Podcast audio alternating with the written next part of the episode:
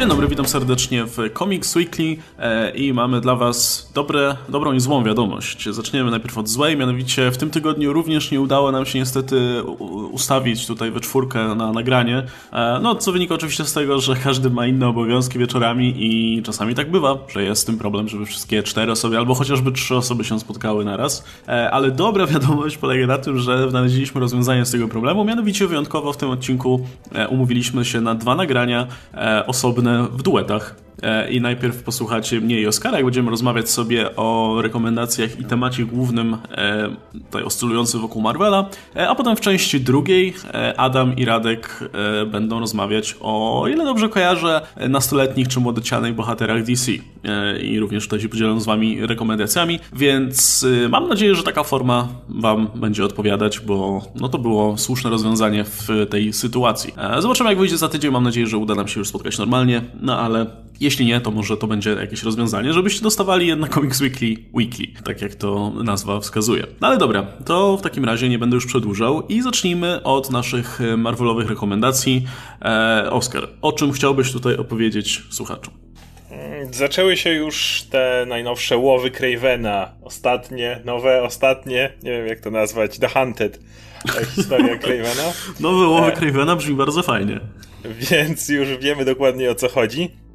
Mm, więc mamy historię Cravena, która oczywiście non-stop się odwołuje do ostatnich łowów Cravena. Nawet w ostatnim zeszycie, jaki czytałem, dosłownie pierwsza strona jest identyczna z tym takim e, nagim Cravenem e, ryczącym na statuę, na wypchaną panterę. Identyczna jak z ostatnich łowów Cravena, jeżeli ktoś czytał, to wie jak to wygląda. E, w każdym razie Craven, jak wiemy, po ostatnich łowach Cravena popełnił samobójstwo.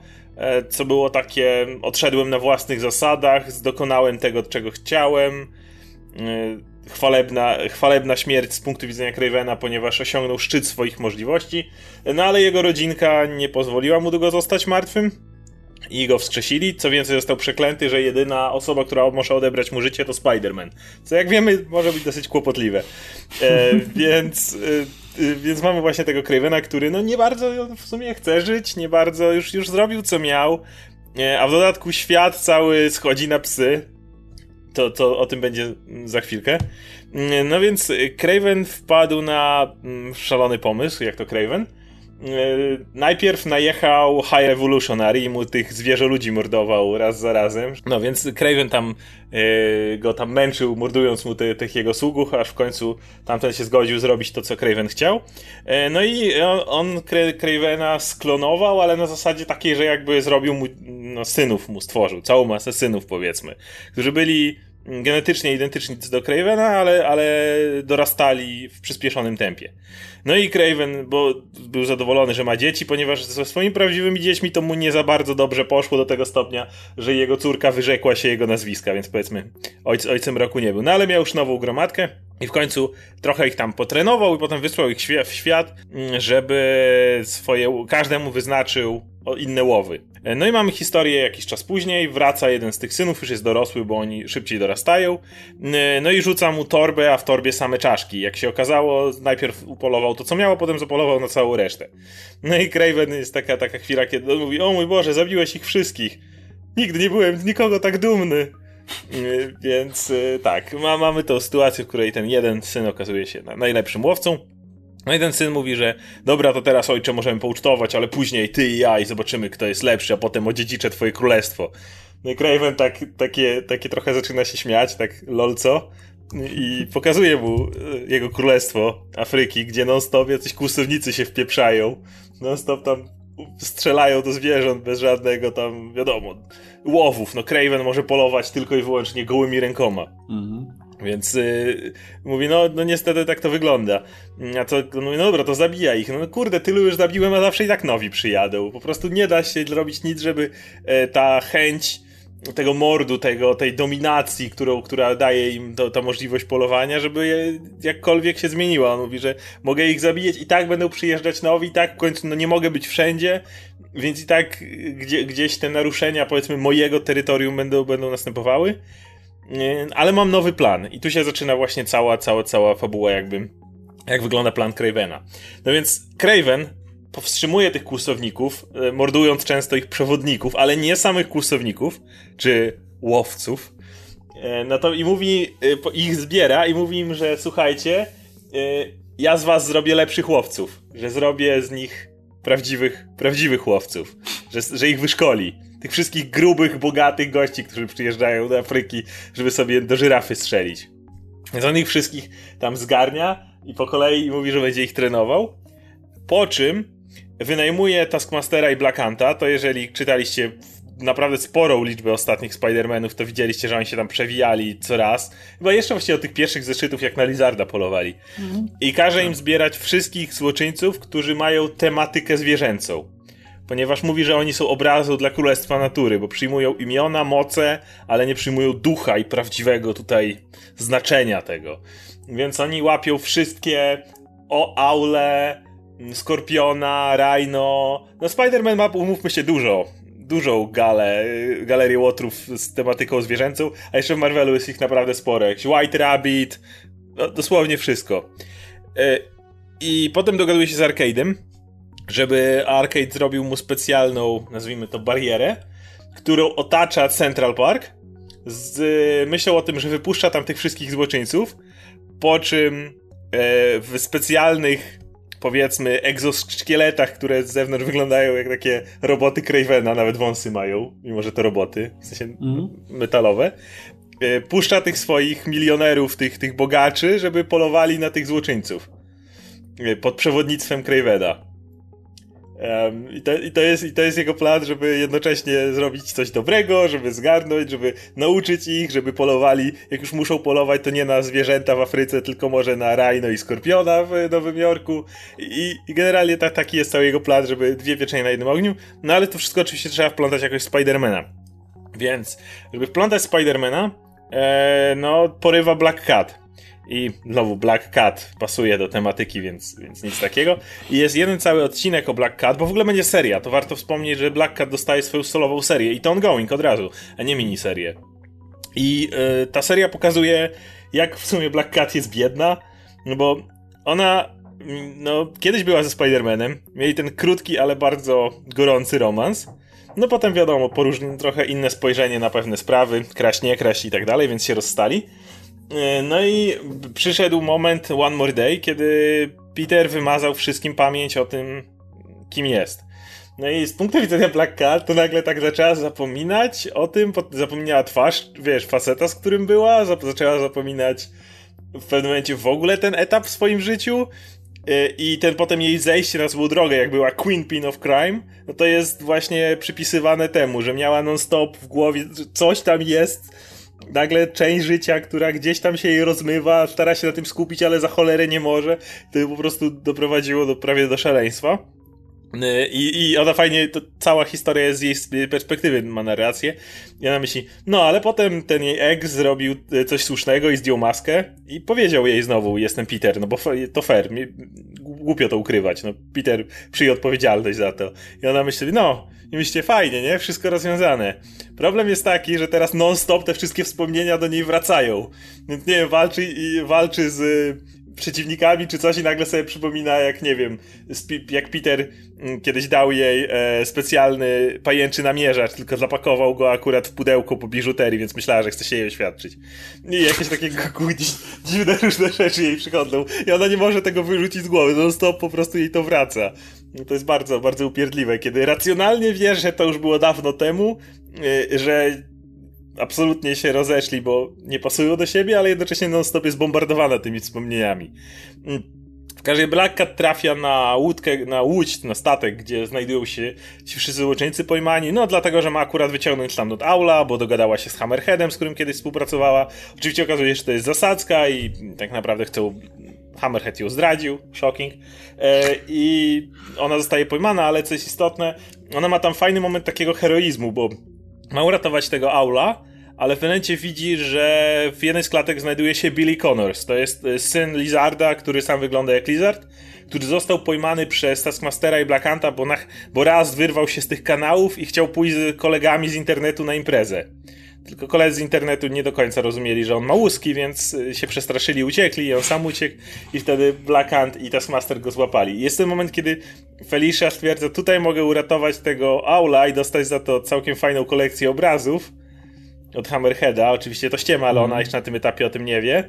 Ale tu mamy przestraszone małe dziecko, które, które płacze i chce do rodziców. I stwierdza, że okej, okay, to, to, żaden wybór z mojej strony. I oczywiście biegnie w stronę małego Lizarda. Więc to jest ten moment, kiedy już wiesz, że Felicia jakby dalej ma te, te zapędy oczywiście do tego, że fajnie mieć fajną galerię skradzionych obrazów, ale jednak e, ta jej serce bohatera jakby na nowo się ocknęło i wiesz, że ona że ona już jest na właściwej drodze. Co podoba mi się też motyw później, jak ona się budzi w, w bardzo drogim apartamencie i tak stwierdza, ej, to Craven tu mnie chce trzymać, E, no i Craven stwierdza, że no tak, bo ona i ten mały są słabościami Spidermana i w ten sposób ściągnie tutaj Spidermana i ona się na niego zaczyna wydzierać. Jak śmiesz, robisz ze mnie damsel in distress! Że, wiesz, to najgorsze poniżenie w ogóle, jakie tylko możesz mi zrobić. E, I jeszcze poza tym, że ona tam siedzi, e, widzimy pierwsze starcie pomiędzy Spider-Manem a tym synem Cravena. Przy czym bardzo istotne, Spider-Man oczywiście, żeby nie było wszystko na wyrównane, e, jest chory. To, to się zdarzało wielokrotnie w historiach Spidermana, kiedy, żeby trochę osłabić go, na przykład, o tutaj miał żebra obite, no to tu, tu nie wiem, ma gorączkę. I jest po prostu chory, ale powinien leżeć w łóżku. Mary Jane do niego przyszła, żeby, żeby go tam się nim opiekować, no ale w tym momencie mm, jest telefon od Lizardów, że gdzieś ich synek zaginął i czy Spider, czy Peter nie mógłby się z Spider-Manem skontaktować, no i tutaj już jakby no co z tego, że gorączka, dzieciak zagrożony, trzeba lecieć. Więc y, powiedzmy, że nie są równe szanse, tym bardziej, że walczy z młodszą wersją Cravena. Co więcej, ten młody Craven wypuszcza specjalny gaz, który mm. powoduje, że dana osoba coś jak gaz Scarecrowa z y, tego, z DC, tylko różnica jest taka, że zamiast obecnie widzieć jakieś potwory przed sobą, czy coś takiego, ma się wizję o twoich najgorszych strachów, że tak powiem. No i Spider-Man cały czas widzi w, w, ich apartamencie leżącą na ziemi zamordowaną Mary Jane. Trochę utrudnia mu generalnie walkę. Mhm. E, I, I, jest też to powiedziane, że ej, ale chwila, jeżeli jesteś Cravenem, Craven nie, nie, nie robiłby czegoś, żeby dawać sobie przewagę.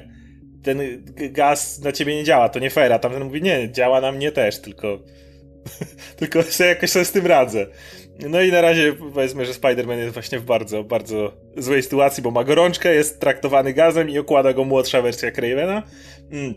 Spider-Man zostaje znokautowany, budzi się w Central Parku, gdzie ma na sobie założony czarny kostium. Dlaczego? Bo ostatnich łowach Cravena miał na sobie czarny kostium. I e, wokół są wszyscy ci złoczyńcy. Na początku chcą dorwać Spidermana, ale potem jak widzą tą armię tych Craveno botów, w których siedzą ci bogacze z jakimiś super spluwami, stwierdzają, że okej, okay, to nara i zaczynają się łowy właśnie w parku, Central Parku, który jest odcięty specjalną barierą. W środku znajdują się ci łowcy, znajduje się, nie wiem, czy, czy Craven, czy jego syn, tego nie wiemy. Spider-Man w czarnym kostiumie, Black Cat i wio i od tego się, i, na tym będzie się cała historia opierała teraz. No dobra, i to będzie zamknięte tylko w Amazing Spider-Manie? Tak, z tym, że są dodatkowe numery. Jak popatrzycie na Reading Order, to jest Amazing Spider-Man i od czasu do czasu Amazing Spider-Man.hu, od Hunted. I ten mhm. na przykład numer cały o Black Cat był właśnie, e, cały z perspektywy Black Cat był z tym dopiskiem HU, czyli już tym tain do własnej serii, można powiedzieć. Raczej chodzi o to, żeby po prostu przyspieszyć tą serię, żeby nie zaburzać. To jest tylko kwestia oznaczeniowa, tak mi się wydaje. Jednocześnie nie chcą zaburzać cyklu tego dwutygodniowego Spidermana, mhm. E, ale z drugiej strony chcą tych numerów wydawać więcej, więc specjalnie robią tain do własnej serii, niejako, żeby zwiększyć ilość numerów. Tak mi się wydaje, że to tylko po to jest. Okej, okay. a nie, no to brzmi, brzmi całkiem okej, okay, nie? I to nie, nie będzie wpływać na inne serie, rozumiem, ze Spider-Manem, nie? Na przykład na tą, na tą serię Taylora na przykład. Nie, nie, to wszystko dzieje się tylko i wyłącznie Amazing Spider-Man i ten z kropką i nic więcej. Nie, no to, to, to brzmi spoko. No ale to już mówiliśmy, nie? że trochę się nauczyli, jak, jak robić tego typu e, rzeczy. E, no właśnie, dzisiaj w ogóle taki odcinek troszkę o crossoverach i eventach. E, ja już tak trochę nawiązałem do tego tematu głównego, który podejmiemy, to ja stwierdziłem, kurczę, zbliża się War of the Realms, a ja jestem do tyłu z Torem, do tyłu z Avengers i w ogóle nie wiem, co się dzieje. Bo czytałem ostatnio jakieś tam inne, inne rzeczy, powiedzmy, no to mówię, nadrobię coś z tego chociaż, nie? Nadrobię Avengers, bo wiemy, że praktycznie cała ta ekipa Avengers, która jest w komiksie Jasona Arona, no będzie brała udział w War of the Realms, bo widzimy chociażby na grafikach promocyjnych. E, no pisze to Jason Aaron, który też pisze oczywiście, będzie pisał ten event, który teoretycznie no wynika z Tora, nie? O tym też sobie jeszcze pomówimy, ale jednak no nie da się ukryć, że na pewno to będzie związane z Avengers. No to myślę sobie, kurczę, dobra, przeczytałem tą pierwszą, ten pierwszy story, ten duży oczywiście z Celestialami, był super. Potem sobie zrobiłem przerwę, potem przeczytałem ten kolejny, no i tak mówię sobie, okej, okay, znaczy kolejne, to znaczy te takie, e, jak się Namor pojawił, to w sumie no. nawet nie był ark, tylko takie wstęp do tego, co się dzieje teraz. Winterguard jak przedstawili. Tak, jak przedstawili Winterguard, jak przedstawili tę ekipę Namora, e, tam było parę zeszytów przynajmniej tego, nie? I chyba tych e, nowych Agents of Wakanda w którymś numerze jest. Agent, tak, Agents of Wakanda, no i no ja skończyłem na tym, że się pojawił Colson, e, który e, zaprezentował tutaj ekipę do robienia porządku w miejsce Avengers, no bo jeśli tutaj e, nasi słuchacze nie pamiętają, motyw jest teraz taki, że no z racji tego, że Steve Rogers, Rogers jest oczywiście nacenzurowany wciąż, e, nie lubi się z e, generałem Rossem, który teraz już nie żyje, ale wtedy jeszcze żył i tutaj też był niezbyt przychylny e, temu, żeby Steve Rogers i Avengers sobie działali tak bez żadnej jurysdykcji. No w związku z tym Avengers poszukali wsparcia w Wakandzie, więc no wiadomo, że tutaj Stany Zjednoczone musiały sobie znaleźć swoją ekipę bohaterów. No i pojawi się Colson, który został e, zamordowany przez Deadpoola w trakcie Secret Empire który teraz żyje. Steve'a Rogersa. To z rozkazu Steve'a Rogersa, więc on teraz żyje i no wiadomo, znaczy wiadomo, oczywiste jest, znaczy inaczej. Nie lubi bohaterów z, jakiego, z jakiegoś dziwnego powodu, no i w związku z tym, że został zamordowany z rozkazu Steve'a Rogersa przez Deadpoola, no to nie dziwię się, że e, tutaj się mu coś pozmieniało. Chociaż pewnie jest za tym jakaś grubsza historia, nie, nie, nie tylko to, że nagle zmienił zdanie. E, no ale on zaprezentował tutaj właśnie Squadron Supreme, który w tej takiej bardziej, tej oryginalnej wersji powiedzmy, z y, Hyperionem w tym takim oryginalnym wizerunku, w tym czerwonym wdzianku, e, z, z całą tą resztą tej ekipy Pierwsze co oni zrobili, no to tam zdaje się, że odepchnęli siły Namora, no i w ten sposób to był ich test, prób, test powiedzmy, jazda próbna, e, no i zostali tutaj też jednymi z graczy tej całej intrygi, którą Jason Aaron tutaj kreśli, aczkolwiek nie, nie pojawili się chyba potem już. E, pewnie wrócą prędzej czy później. Avengers nie wiedzą o ich istnieniu cały czas. No tak, jeszcze, jeszcze nie, ale się dowiedzą na pewno już wkrótce. Ale pewnie wie ich istnieniu już Namor. E, z tymi swoimi rzeczami, e, z tym swoją misją e, niszczenia platform wiertniczych i tak dalej. swoją drogą jest kontynuowana w Invaders cały czas. No to wszystko jest wszystko jest, mam wrażenie, teraz w Marvelu bardzo mocno powiązane i dosyć spójne, e, ale to jedna kwestia. No i okej, okay, no mówię, no dobra, to w takim razie czas nadrobić to czytanie. Oczywiście w międzyczasie zdarzył się ten zeszyt, e, taki one-shot o kolejnej członkini e, tych prehistorycznych Avengers, tym razem o Iron Fist, no i to mi się nawet podobało, myślę, że ta historia była całkiem ciekawa. Tam, tam był ten motyw, że stwierdziła, że zacznie nauczać ludzi kung fu i została za to wydalona z... Ludzi, ludzi pierwotnych, nie? No, tak, tak, tych takich właśnie, no właśnie, pierwotnych. E, za, za, za to została wygnana, e, nie, inaczej, najpierw została, z, wzi, e, ówczesny Thunderer wziął po prostu tych e, jej uczniów, zrzucił ich w przepaść do smoka i za, nią, za, za nimi poleciała właśnie nasza, jeszcze nie Iron Fist, no i ona widząc smoka, no to mu wklepała i uderzyła go w serce, więc hej stała się pierwszym Iron Fistem. Najlepsze zostało... tylko tam to, że wszyscy mówili, że Jezu, smoka zabiła, o mój Boże. Takie fajne tak, no właśnie o to, o to chodzi, nie? że ona została tym Iron Fistem. Dostała to znamie, które tutaj jest uznawane, czy zostało tutaj uznane za no, brzemię bardziej, nie? Jakieś e, za, znamie jakieś w zasadzie. Tak. No właśnie. Więc w związku z tym, że zabiła smoka i już nikt nie wiedział, że, jest, że on jest, wiesz, e, nieśmiertelny, no bo nikt go wcześniej nie zabił, e, no to została wygnana, nie? E, no i oczywiście sobie wędrowała po świecie, spotkała Mephisto, tak jak wcześniej ten, e, tak jak wcześniej Ghost Rider, ten prehistoryczny. I wiemy, że ten Mephisto pewnie w jakiś sposób będzie wrogiem ich wszystkich tutaj. Jest ta fajna scena, kiedy Mephisto jej tłumaczy tutaj swoje, próbuje ją przyciągnąć na mroczną stronę e, i w końcu wyjawia jej swoje imię, ale nie zdążył wyjawić jej swojego imienia, bo dostał po ryju z Iron Ona deroka żelaznej pięści. W tym momencie. Po prostu no. robi kompletnie mu deroka. E, no, ostatecznie potem wraca i okazuje się, że wszystko spoko, więc... Yy no i tak, tak, w ten, w ten sposób powiedzmy ta historia się zaczyna, no potem oczywiście dołącza do tej ekipy prestiżnej Avengers. Kurczę, całkiem fajnie jest to pisane. Nie ma nic przeciwko tymi pojedynczymi właśnie, przeciwko tym pojedynczym tajinom, które potem pewnie się jakoś zwiążą. E, być może z tą główną serią, którą pisze, być może będą mieli jakiś swój tam później e, finał. E, zobaczymy, ale tak jak e, pamiętam, że Aaron to zaprezentował po raz pierwszy w tym pierwszym zeszycie Legacy, to byliśmy mocno rozczarowani, że no fajnie, fajnie, że wymyślili tych Avengers, ale nic z nimi nie, nikt nie robi. Tak myślę, że te, te one-shoty póki co są naprawdę ciekawe, nie? To, to, się trochę czyta jak takie fajne, alternatywne wersje po prostu tych bohaterów, e, ale nigdy nie, nie przypominam sobie prehistorycznych wersji, więc to jest coś, coś nowego zawsze. Ghost Rider był też rewelacyjny. No, to prawda. No ale dobra, to jeszcze, jeszcze krótko w takim razie o tym, co się dzieje w tej głównej serii. Bardzo krótko, bo, e, no bo byłem może nie rozczarowany, ale byłem zaskoczony, że tak naprawdę to, co się dzieje w Avengers, nie ma żadnego związku z War of the Realms. E, znaczy bezpośredniego na pewno. E, mało tego, ta historia, mimo że War of the Realms się zaczyna już praktycznie zaraz, jeszcze nie została skończona, jeszcze zdaje się, że przynajmniej jeden zeszyt zostanie tej całej historyjki o wampirach. No bo tu historia dotyczy wampirów. W ogóle ze wszystkich rzeczy, które mieliśmy w tej serii, no to wampirów jeszcze nie było faktycznie.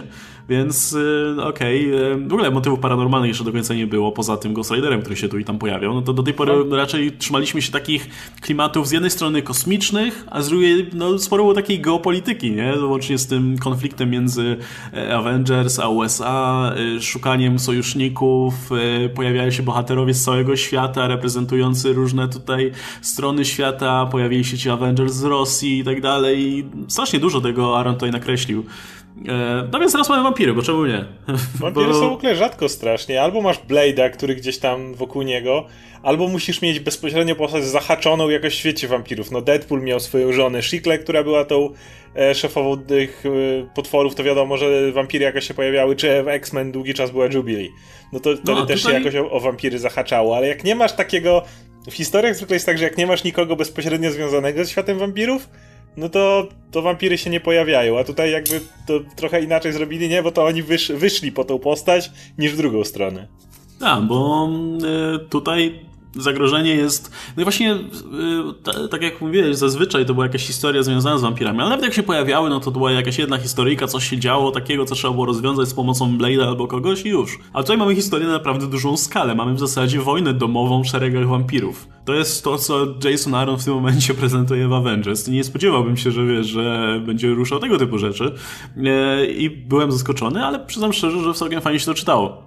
Generalnie to się zaczyna od tego, że y, zamek Drakuli zostaje y, zaatakowany, Dracula gdzieś zaginął, nie wiadomo gdzie jest, y, wszystko, to, wszystko co było w tym zamku zostaje po prostu wymordowane, no i przez to, że nie ma Drakuli, który oczywiście trzymał za ryj wszystkie, wszystkie wampiry, no to wybucha ta wojna domowa i zaczyna, po, zaczynają te, te, te powiedzmy frakcje wampirów ze sobą walczyć, no i pojawia się nowy gracz, który wygląda jak, nie wiem, ktoś z Wolfensteina, e, który, mm, on się nazywa e, Pułkownik Cienia, Shadow, Shadow Colonel. E, i, no i dosłownie mówię, wygląda jak taki nazistowski żołnierz z taką, wiesz, maską gazową i, i taki bardzo przypakowany. Ma swojego psa, który zamiast głowy ma czaszkę. E, się nazywa Sarge. I, i jest. I, i, I zwykle się nie odzywa, ale w którymś momencie zaczyna się odzywać i zaczyna gadać jakieś w ogóle demoniczne rzeczy. E, no i później zresztą on zbiera też całą ekipę tych takich swoich, I? swoich wampirycznych I? Avengers też. Malutkiego, malutkiego Mantinga przerzuconego przez ramię. Bo, e, tak, nazywa go Boything. no, to, no właśnie, on ma całą ekipę, gdzie jest Baroness Blood, gdzie jest y, Carpathian i Snow Snake i tego typu postacie. I, i, i moja ulubiona postać to jest Rat Bomber, który jest wampirem, który kontroluje szczury. E, wygląda trochę jak taki Nosferatu, no i jego mocą jest, to, tak jest jak Squirrel Girl, tylko ze szczurami. E, I to, to, potem jest bardzo ciekawy motyw z nim na koniec ostatniego zeszytu. E, no ale w każdym razie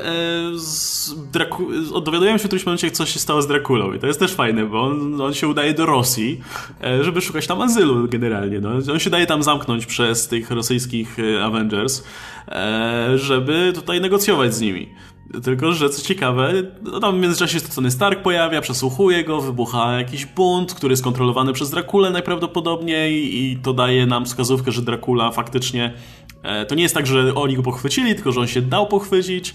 E, no i zaczyna negocjować z tą właśnie z tą Winterguard. Okazuje się, że Red Widow, która kieruje Winterguard, który nie wiemy kim jest do końca jeszcze, jest zamaskowana, no nie jest osobą, z którą można negocjować, bo ona zaczyna, wyciąga w ogóle te wszystkie żony Drakuli, zaczyna je mordować jedna po drugiej. Żony i mężów. I mężów, tak, no. Ej, jak, masz, jak, jesteś, jak jesteś tysiącletnim wampirem, to możesz, to, to w którymś momencie ci się nudzi, nie? Więc próbujesz nowych rzeczy.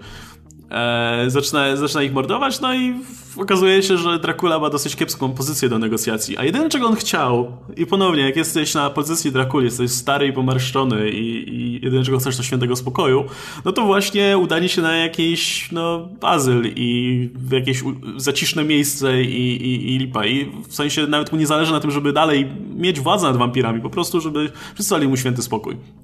Natomiast no on może się podzielić jeszcze. To fajnie Słucham? tłumaczy. Mówi, że kurde, tyle. Ja całe społeczeństwo wampirów na własnych barach tyle stuleci niosłem. Niech się wreszcie odpierdzielą ode mnie.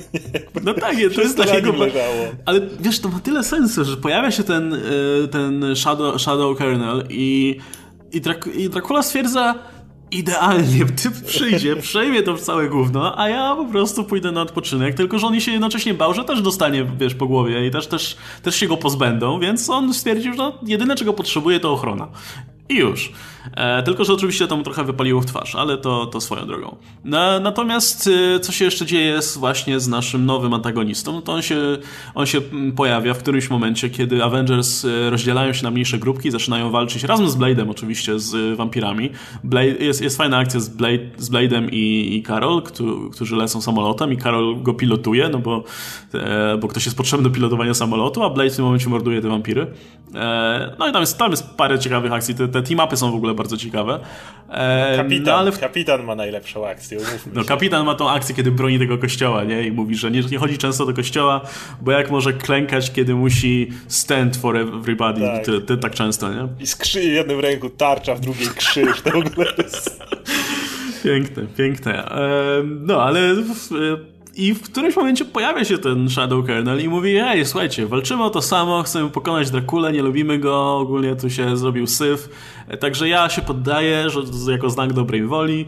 E, no, Avengers go oczywiście zabierają do swojej bazy, bo są idiotami e, i natychmiast się okazuje, że to był tak naprawdę plan naszego bohatera. Najwyraźniej Avengers nie oglądali Avengers, pierwszego Widona, bo by wiedzieli, że, że to jest bardzo stara i znana taktyka, którą wykorzystał Loki.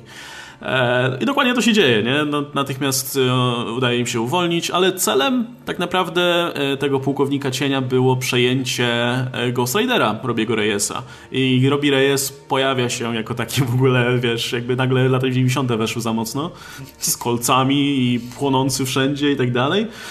No i no niestety, choć są momenty, kiedy on stara się kontrolować to, co go tam przejęło, no to jednocześnie jest raczej tutaj narzędziem w rękach e, tych A ja chcę sił. tylko wspomnieć, bo jest strasznie fajny taki easter egg, w jaki sposób ten pies Sarge przejmuje kontrolę nad nim. On wywołuje wszystkich panów Ghost Riderów, jacy kiedykolwiek istnieli.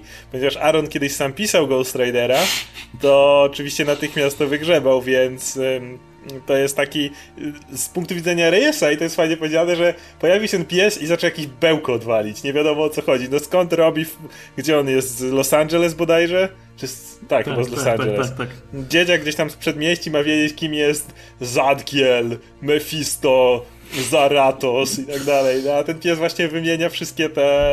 Tak fajny easter egg, fajnie połączone. E, to Robbie jest z Los Angeles, bo dowiadujemy się też, gdzie jest sam Robbie, jego osobowość w tym e, ciele, które w tym momencie jest przejęte przez kogo innego. No i Robbie jako, e, jako mieszkaniec Los Angeles jest w swoim personalnym piekle, którym jest oczywiście utknięcie na wielkiej, piekielnej autostradzie w korku.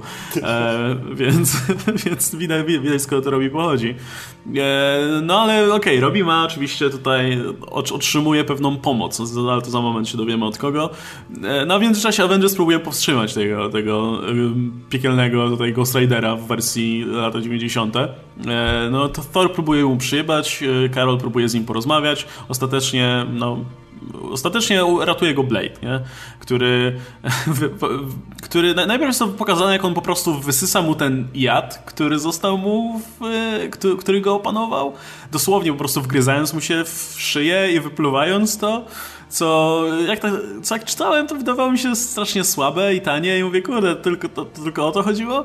W międzyczasie oczywiście się toczy walka z resztą tej ekipy, tego, tego naszego nowego antagonisty, e, no ale potem dowiadujemy się, że tak naprawdę Robbie dostał pomoc od nowego e, władcy piekła, nie? czyli Johnego Blaze'a, który e, z racji tego, że Robbie był w piekle, no to Johnny mógł się tam oczywiście pojawić i mu tutaj pomóc. Na koniec mówi mu, że hej, jeszcze się spotkamy, co nie brzmi zbyt dobrze.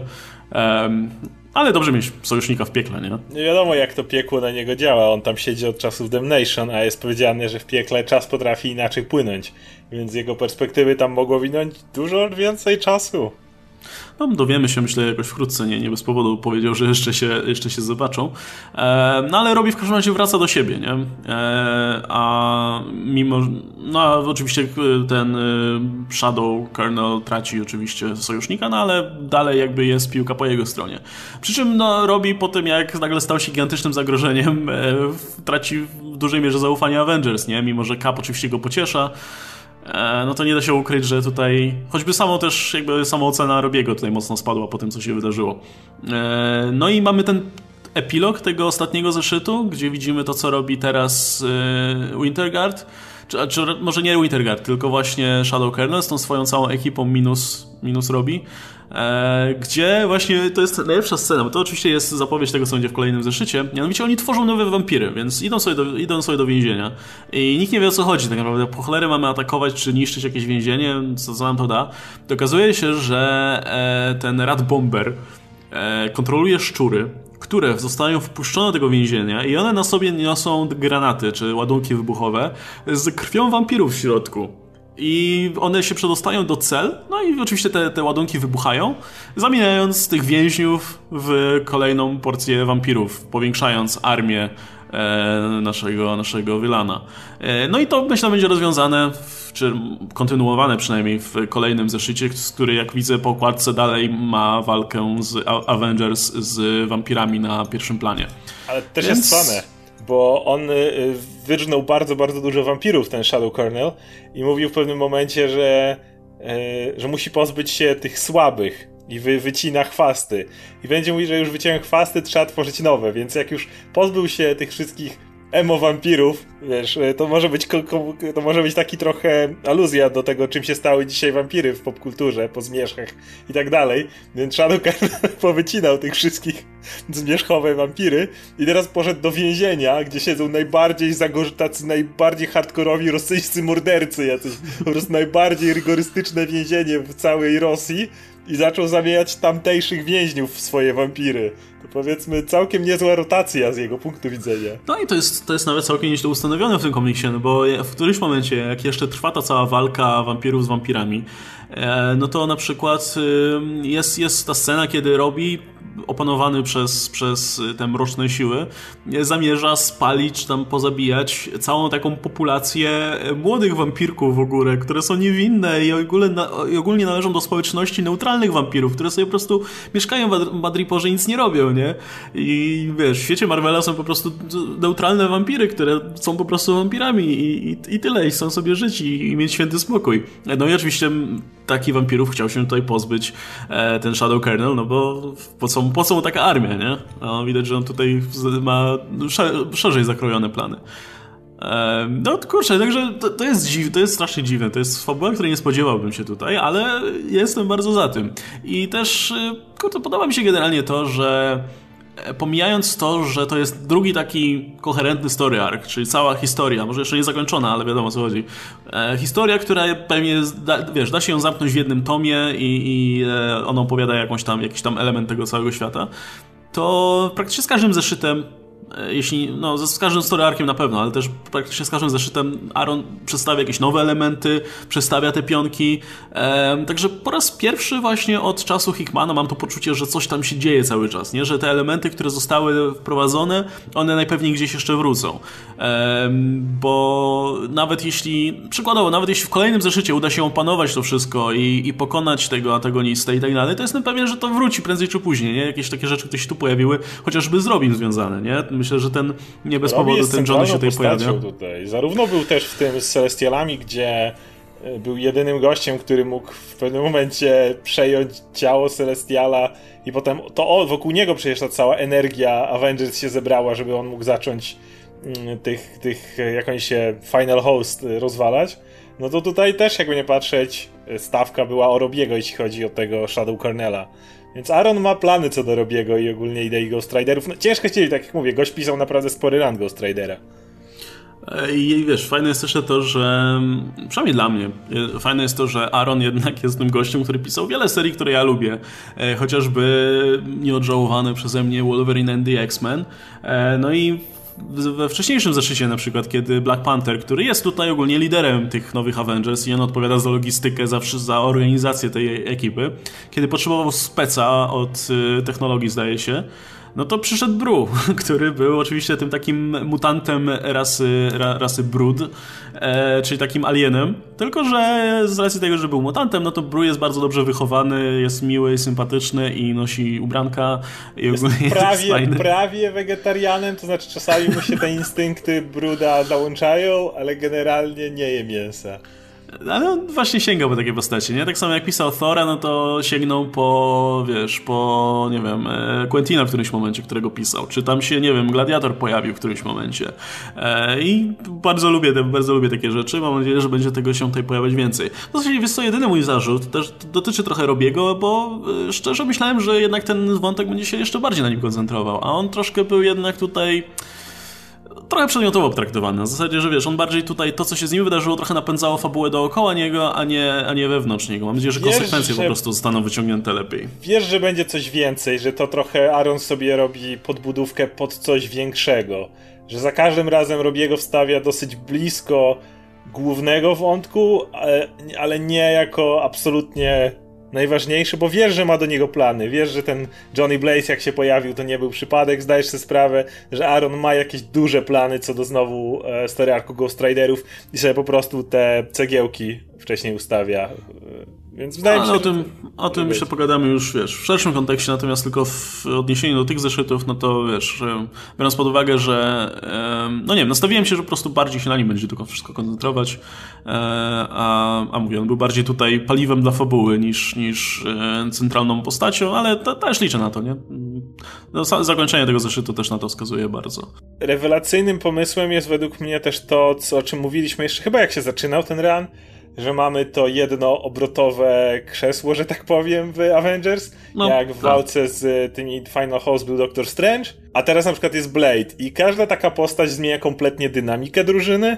E, Doctor Strange miał zupełnie inne podejście, teraz on odszedł, doszedł Blade. Blade jest tym takim ciągle wożącym się łowcą wampirów, który e, nie wiem, jest ten motyw jak Karol mówi, jaki twój status? Mój status, nienawidzę tego psa czy coś w tym rodzaju. To jest taki, taki, taki ten łowca, który wie, że ma na wszystko wywalone. Na przykład jak Black Panther mówi, dobra, to zabierzemy te neutralne wampiry do Wakandy na leczenie. Na co Blade wyjmuje miecz, tutaj mam całe lekarstwo, jakiego potrzebują. To, to, też zmienia to kompletnie dynamikę drużyny i liczę na to, że jak, jeżeli ten ran jeszcze dłużej potrwa, to, to ten, ta, ta rotacja w zależności od potrzeb, no mieliśmy wampiry, więc kto by inny, jak nie Blade, że też będzie właśnie fajnie działała w jakikolwiek sposób. Nie, ja myślę, że to jest właśnie bardzo dobry pomysł i szczerze ja bym widział coś, też, też coś takiego w filmach przysz, przyszłych, e, kiedy już się skończy ta cała akcja z Thanosem, budowanie fabuły i przyjdzie kiedyś do zrobienia, wiesz, po prostu regularnych filmów team-upowych Avengers, a widzę coś takiego, to, że ten skład będzie też płynny, nie? A przynajmniej będzie zmieniał e, tych takich e, nie wiem, e, grę, no wiesz, miał, miał stały, takie stałych członków głównych, no i wiesz, a reszta, żeby mhm. sobie rotowała, bo to dużo, dużo daje, wiesz. Każda zmiana postaci właśnie zmienia dynamikę i to, to dużo wnosi tutaj.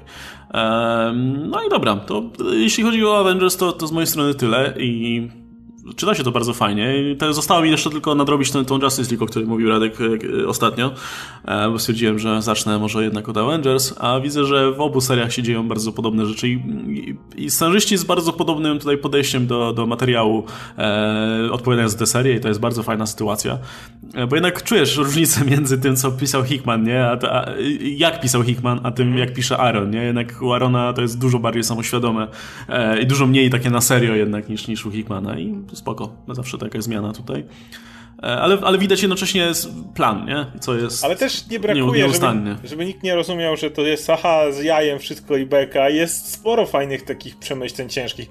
Mi się strasznie podobał ten moment, kiedy miałeś atak wampirów na Wakandę i Tony z Black Pantherem odpalili te swoje jakieś tam słoneczne, no nie wiem, jakieś rozświetlenia ze swoich tam zbroi i miałeś te dwa kompletnie inne przemyślenia co do całej sprawy Black Panthera, a Starka.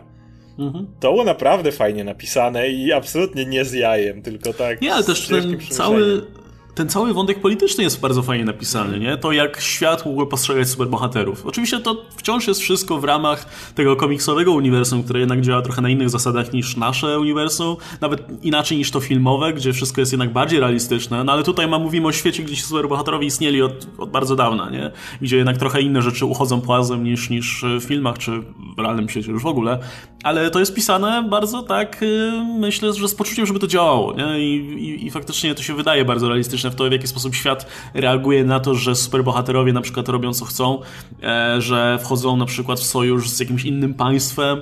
E, wiesz, i wydaje się bardzo sensowne też to, że na przykład Rosja miałaby swoją grupę bohaterów, nie? I, i którzy byliby, e, którzy mieliby swoją agendę, nie? I to to jest, to, to jest coś, co mi się bardzo tutaj podoba. Ja bym, ja bym chciał więcej eksplorowania właśnie superbohaterów na świecie, nie? Znaczy Hickman to robił w New Avengers, nie New Avengers, w Avengers World. Były takie pojedyncze zeszyty, które przedstawiły ci Euroforce, e, mhm. tą tak, chińską tak, tak, drużynę, tak. Która, która się zbierała, więc to już było robione. I znowu Aaron tego nie pomija. Jest odcinek jeden, w którym Black Panther zwołuje spotkanie mhm. wszystkich pozostałych przedstawicieli właśnie innych E, tylko innych e, państw, przy czym najważniejsze, Ameryka jest nieobecna e, na tym spotkaniu. No, no. I, ma, I masz zarówno z. Nie pamiętam jak się nazywała ta bohaterka z Izraela. Mm, z X-Men współpracowała często. Tak, no, no ja kojarzę, też nie pamiętam. Był, był tam zdaje się bohater właśnie z Bliskiego Wschodu jakiś, nie? Był chyba szaman z Alpha Flight z Kanady. No, Więc... był, był Starfire z Japonii. I no, Ursa Major. No. Pijący niedźwiedź. Nie, ale wiesz, nawet, nawet ci rosyjscy Avengers też są bardzo ciekawi pod tym względem, że jakby część, część z nich jest trochę stereotypowo rosyjska, ale jednak jest ta, jest ta część tej, tej, tej ekipy, która e, wydaje się spoko, wydaje się no, bardzo fajnie napisana. Crimson wiesz. Dynamo przede wszystkim, nie? On no. wydaje się taki najbardziej naj, największe poczucie moralności ma jakby. No, zdecydowanie. E, Okej, okay, dobra, słuchajcie, to pomówmy sobie w takim razie e, o innym, o, o, tak jak wspominałem, o innej rzeczy, którą Jason Aaron będzie już pisał za moment, za chwilę, e, czyli crossoverze War of the Realms. I teraz, e, nawiązując do tego, co mówiłem wcześniej, ja, ja zacząłem czytać Avengers myślą o tym, że być może tutaj, jeśli to nie będzie wstęp do tego, to chociaż będą już jakieś elementy, które będą istotne właśnie w tym crossoverze, ale nie. E, jeśli dobrze pamiętam, to mówię, że w Thorze też niespecjalnie.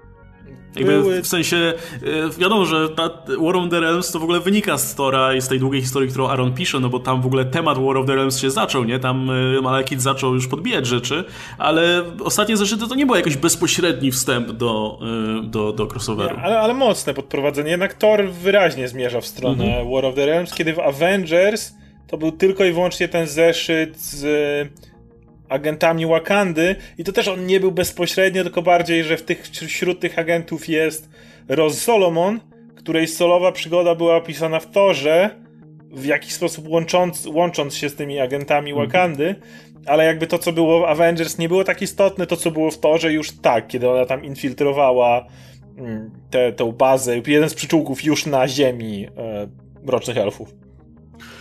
No ale to, to, to informacje, które dostaliśmy, no, okej, okay Czyli z, dwojga, z, dwóch serii wybrać Thora w tym kontekście, ale e, generalnie to, co przeczytałem na temat War of the Realms, bo, ma, bo i Marvel się podzielił paroma informacjami i inne serwisy to e, postanowiły skompresować do jeszcze krótszej formy, e, no to to, że ten event, wbrew powiedzmy temu, czym zwykle eventy bywają, a eventy zwykle bywają podsumowaniem jakichś powiedzmy fabuł, jakichś ranów scenarzystów, no dla Arona na pewno będzie podsumowanie ranu Thora, ale jednocześnie jest powiedziane, że to ma być bardzo user-friendly, reader-friendly e, event, e, który teoretycznie e, można czytać jakby tak z marszu. Oczywiście jest długa podbudowa w Thorze i nie tylko, bo też w innych seriach. Też Marvel opublikował listę komiksów, które warto przeczytać powiedzmy, które na pewno dużo dadzą kontekstu do zachowań postaci i tego, gdzie są i tak dalej, ale jednocześnie jak się uprzesz, no to możesz czytać to bez poczucia,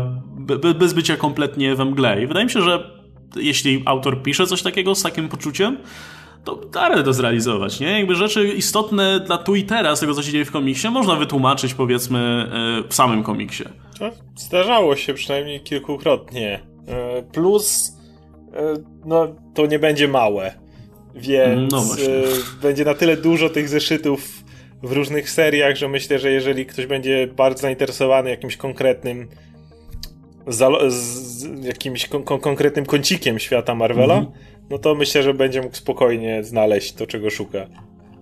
Ja powiem, że ja się spodziewałem, że War of the Realms będzie po prostu finałem tego jego ranu Thora, no i w ten sposób będzie, ale potem okazało się, że tak naprawdę w całą tą dramę i całe, całą walkę z Malechitem i jego siłami, jego sojusznikami zostaną wmieszani praktycznie wszyscy kogo tylko można sobie wyobrazić. E, jak spojrzycie sobie na grafikę promocyjną, to macie tam e, nie tylko tych bohaterów, których moglibyście się spodziewać ewentualnie w takim evencie, czyli nie wiem, Kapitana Ameryki, Captain Marvel czy Black Panthera, którym no nie obce są powiedzmy pojawianie się tu i tam, czy, czy nie wiem, Iron Man chociażby, który miał, nie wiem, epizody z Guardians of the Galaxy, czy gdziekolwiek indziej. Albo te typowo e... asgardzkie, nie? Jakaś Valkyria, Lady No to, to, jest, to już jest oczywiste nawet, nie? No spodziewasz się tam, nie wiem, She-Hulk na przykład, no bo okej, okay, to jest super silna i tak dalej, przyda się tutaj. Czy Wolverina, czy kogoś, nie? Tym bardziej, że to jest ten Phoenixowy Wolverine, który, ma, który jest w przyszłości. Pewno? No tak. Jesteś pewien, że tu będzie brał udział ten Phoenixowy Wolverine? Pewien nie, ale wydaje mi się, że ten Wolverine... Nie, ja myślę, że się go pozbyli na szybko. Ja tak? myślę, że ten, że ten Feniξowy Wolverine to był, szczerze mówiąc, myślę, że to był taki niewypał Legacy i ten cały motyw zrobili tylko po to, żeby jeszcze po Alonso posprzątać i stwierdzić a to nie był ten Wolverine, bo go źle wprowadziliśmy. Nie, to to był Feniksowy, on przyszedł, wypił piwo i poszedł. Ja, ja, ja nie, ja myślę, że to będzie pra ten mm. prawdziwy Logan.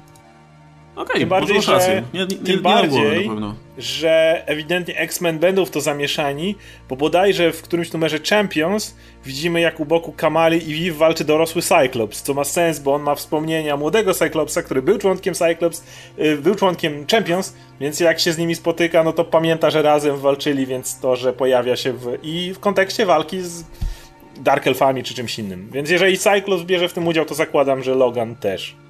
Okej, okay, możesz mieć rację, no, no ja, ja, ja głowy na pewno nie dam, aczkolwiek e, kto wie. Felix e, no właśnie, X-Men są oczywiście z tym związani, co też nie jest oczywiste, nie? Bo wydawałoby się, spodziewałbyś się, że raczej będą ich trzymać tam u siebie, mają, mają swoje rzeczy do roboty, ale nie, też będą tutaj obecni. Ale mało tego, no będziemy mieli tutaj bohaterów, których za cholerę by się nie spodziewał w Asgardzie, nie? E, Daredevila, Punishera, e, kto tam jeszcze? Luke Cage, e, Iron Fist, no Spider-Man, e, Spider-Man to zawsze gdzieś tam się trafi, jeżeli trzeba, ale...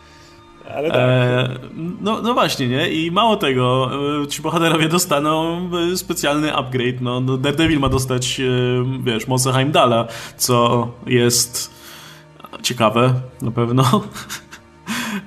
I to, wiesz, to wygląda jak, jak naprawdę ogromna rzecz i, i wspomniałeś już o tym, że będą, będą zeszyty tajnowe, które będą niezależne, zdaje się, od serii. Będą i takie, i takie.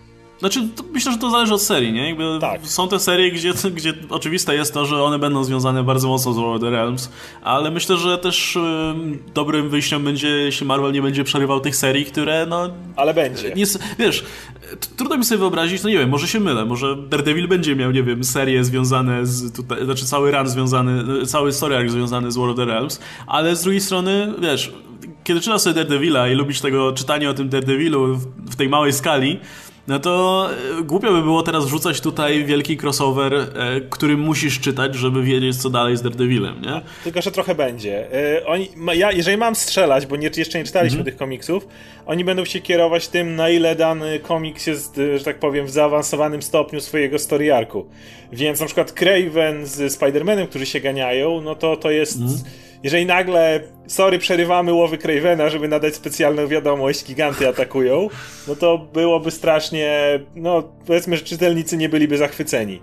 Więc e, Amazing Spider-Man nieprzerwanie będzie dalej wydawał historię Cravena. Oczywiście Spider-Man będzie w 50 innych zeszytach, jeżeli brakuje wam go w War of the Realms, ale już na przykład Venom będzie bezpośrednio w swoim głównym, tam zeszyt 13 czy któryś, będzie powiązany z e, War of the Realms.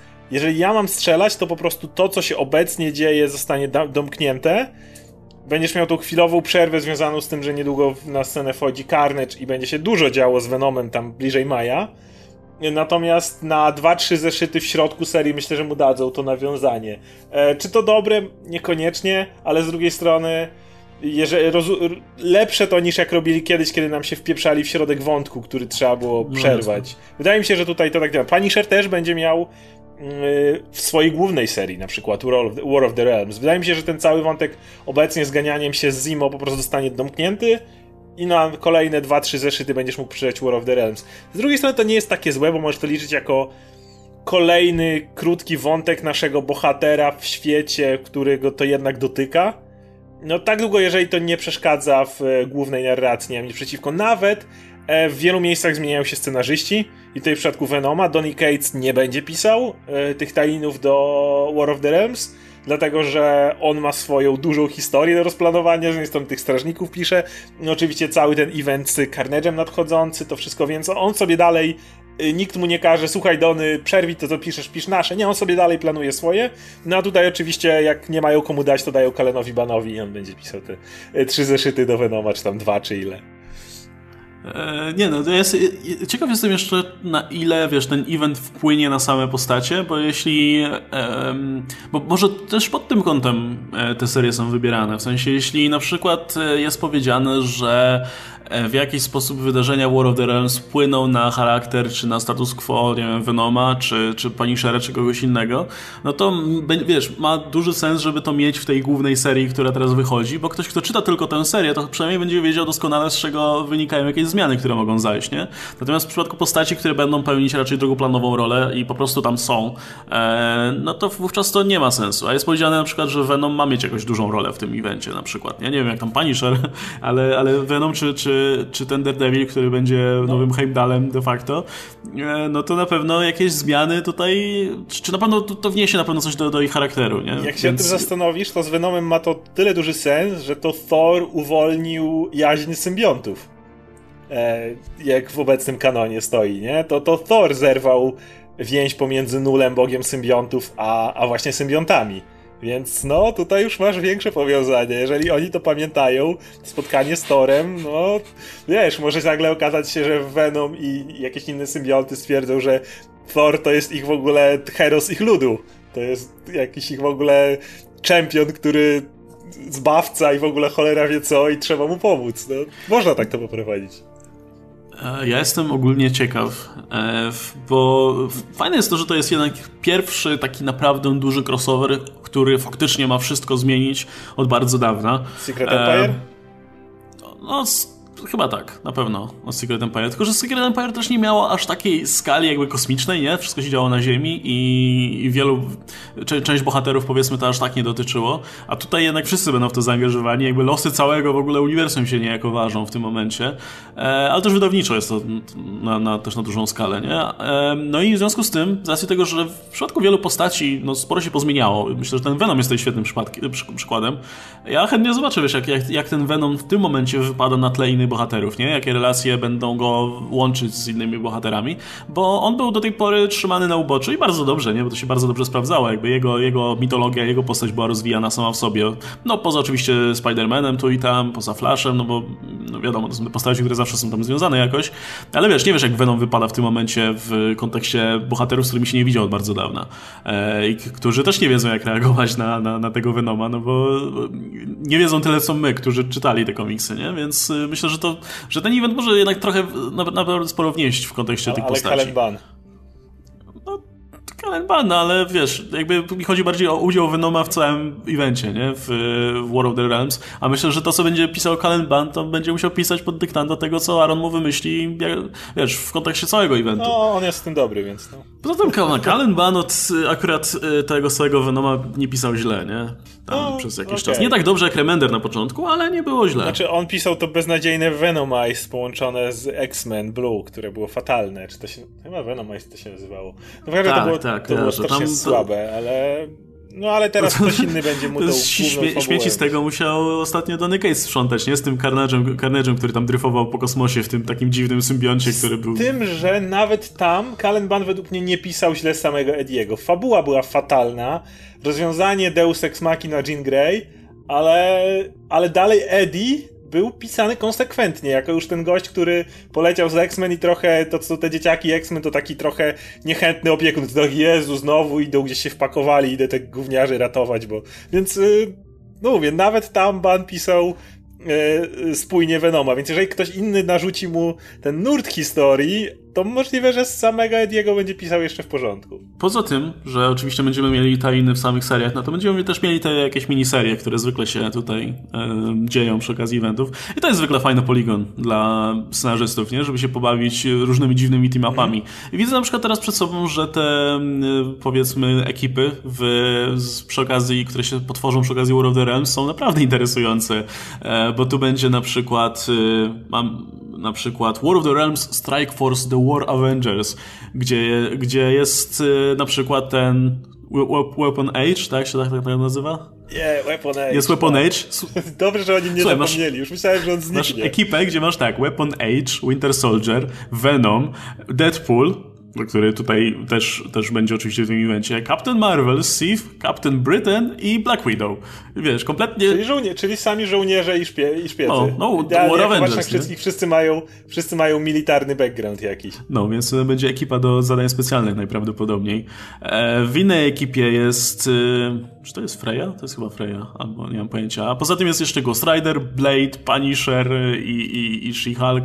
W jeszcze innej jest Miles Morales, e, jest akurat mi zniknęło, więc teraz nie powtórzę. Mi się strasznie podoba ta ekipa, gdzie jest Kapitan Ameryka, Iron Fist, Luke Cage, Spider-Man i chyba Wolverine. I Wolverine, tak. To, to, to wygląda Wszyscy, wszyscy, z osgardzkimi, tacy... wszyscy, wszyscy z osgardzkimi broniami, nie?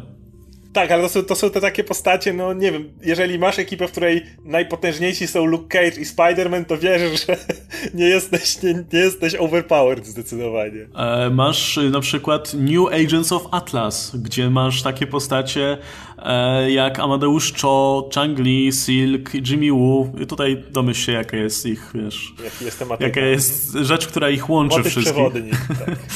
E, także no, wygląda naprawdę ciekawie, nie? Jest okazja do pobawienia się trochę tymi. To jest też fajny motyw z tymi wszystkimi e, dużymi eventami, że jednak dają sposobność do czegoś takiego. Robią, robią ten takie małe poletko, wiesz, do tych wszystkich eksperymentów, więc e, tak jak ja nigdy nie A byłem tam... zwolennikiem Czekaj. tych eventów, tak to wygląda, to wygląda fajnie, no.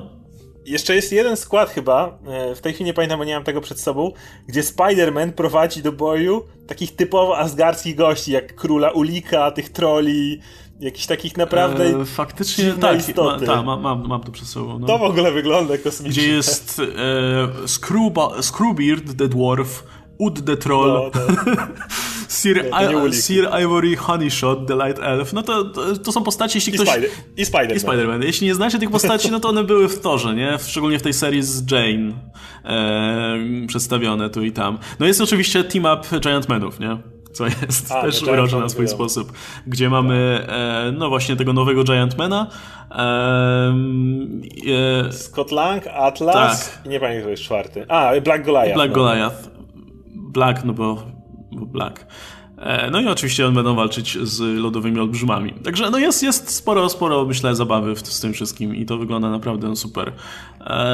No słuchaj, jak się, jak się ogólnie zapatrujesz na ten event? No, tak słowem podsumowania, jeśli chodzi ogólnie o to, jak, jak, jak to widzisz, bo mm, ja już wspominałem o tym, że ja byłem trochę nieprzekonany bardzo długo do, wiesz, do tych dużych eventów robionych przez Marvela, no ale ostatnio zupełnie jakby chcieli mi po prostu zrobić przyjemność, y, przejść na ten tryb, który mi w 100% odpowiada, gdzie robią te eventy sobie i jak mam ochotę poczytać coś takiego, jakieś, wiesz, Infinity Wars, tego typu rzeczy, to mogę, ale nie muszę, nie? Pomijając oczywiście poziom, nie? Tych, tych, tych rzeczy. E, są crossovery między tytułami, które też są ok. E, są jakieś takie duże fabuły e, zamknięte tak naprawdę w, w, ramach jednej czy dwóch serii. No i teraz dopiero od jakiegoś czasu dostajemy pierwszy taki duży event, który no trzeba czytać, chcąc nie chcąc. Jeśli ktoś czyta więcej niż jeden tytuł, no to musi wiedzieć, co się tutaj wydarzy, no bo to wpłynie, myślę, na wszystko. Będzie miał reperkusje. Będzie miał reperkusje. Znaczy... No i to i, i, szczerze mówiąc, od czasu do czasu też nie ma nic przeciwko, tym bardziej, że właśnie to wszystko wygląda, wiesz, oryginalnie, nie? Nie było takich team-upów, mhm. moim zdaniem.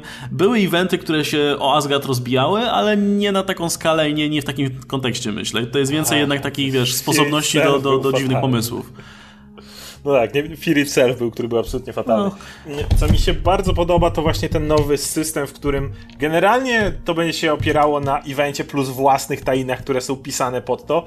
E, zobaczymy jak wypadnie to oczywiście w kontekście no, tych wejść w serię, bo mhm. to jakby jest ta zawsze największa obawa, czy to faktycznie gdzieś tam zaburzy nam proces czytania dla osoby, która chce tylko Venoma czytać, e, czy dalej będzie mogła mieć wrażenie, że o po prostu czytam sobie Venoma dalej, który ma swoją własną przygodę w tym miejscu, ale walczy z jakąś istotą z iluś tam realmów, no czy będzie na zasadzie na końcu Venom, dobra, ruszam do boju, chcesz wiedzieć co dalej? Czytaj tu i tu, bo inaczej się nie dowiesz. No zobaczymy jak to rozwiąże, bo tego trochę się obawiam. Poza tym ten system jest spoko. Czy jedy... Natomiast... jeszcze wiesz co, jak już wspomniałeś o rzeczach, których się obawiasz, to jeszcze się wetnę na jedną rzecz. Jedyna rzecz, której się obawiam to, e, ale czysto teoretycznie, to sytuacja, która była trochę z Axis, że wiesz, miałeś, miałeś e, Remendera, który pisał te swoje Uncanny Avengers, miał pomysł na story arc pod tytułem Axis, który miał podsumować niejako to, co on pisał do tej pory e, i wiesz, ktoś z wydawnictwa przyszedł i powiedział, nie, zróbmy z tego cały event, rozciągnij to po prostu maksymalnie i wyszło z tego to, co wyszło. E, I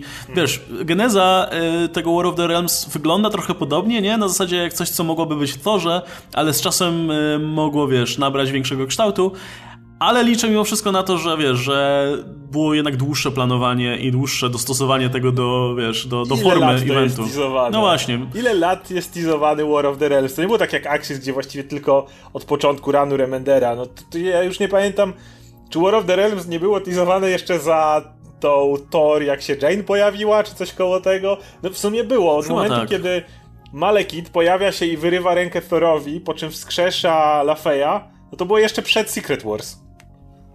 No, na dobrą tak, sprawę. Tak, tak, wiesz. Nie, no, no pytanie, jest, pytanie jest takie, że wiesz, to było teasowane, ale pytanie, czy, e, czy było teasowane jako duży event. Ale wydaje mi się, że nawet jeśli na tamtym etapie Aaron widział to tylko jako, wiesz, story arku siebie, to minęło już tyle czasu, że, że, że mieli wystarczająco dużo, żeby jednak, wiesz, e, no, rozpisać dokładnie. to porządnie. Nie? Myślę, że jeżeli to miała być historia Thorowa, to ona by się zaczęła dużo wcześniej. dawno temu byśmy dostali te War of the Realms. Yy Gdyby nie. Myślę, że Warner w zasadzie, że zmienili plan, ale w międzyczasie dali czas Aaronowi, żeby się przygotować do tego i zrobili całą masę świetnych historii. Ja, ja jestem zafascynowany, jak na przykład Punisher, który będzie rozpieprzał potwory z Asgardu, nie? To jest właśnie te nietypowe kombinacje y, są dla mnie naj, naj, naj bardziej interesujące. Wiesz co, jak, jak mówisz o Punisherze, to jeszcze jedna rzecz, y, bo teraz tak patrzę, że Punisher będzie miał swoje mini po prostu, związane to jest War of the Realms, które Jerry Dugan będzie pisał, co prawda, ale y, więc pewnie na jego serię to nie wpłynie, co moim zdaniem jest jednak dobrym rozwiązaniem pod tym kątem, że wiesz, jak ktoś czyta Punishera, to niekoniecznie musi być wiesz, zainteresowany walką w Asgardzie z ale, ale... elfami, nie? Okej, okay, czyli Punisher tak, ale już Venom będzie miał, miał okay. mówię, chyba ze 13.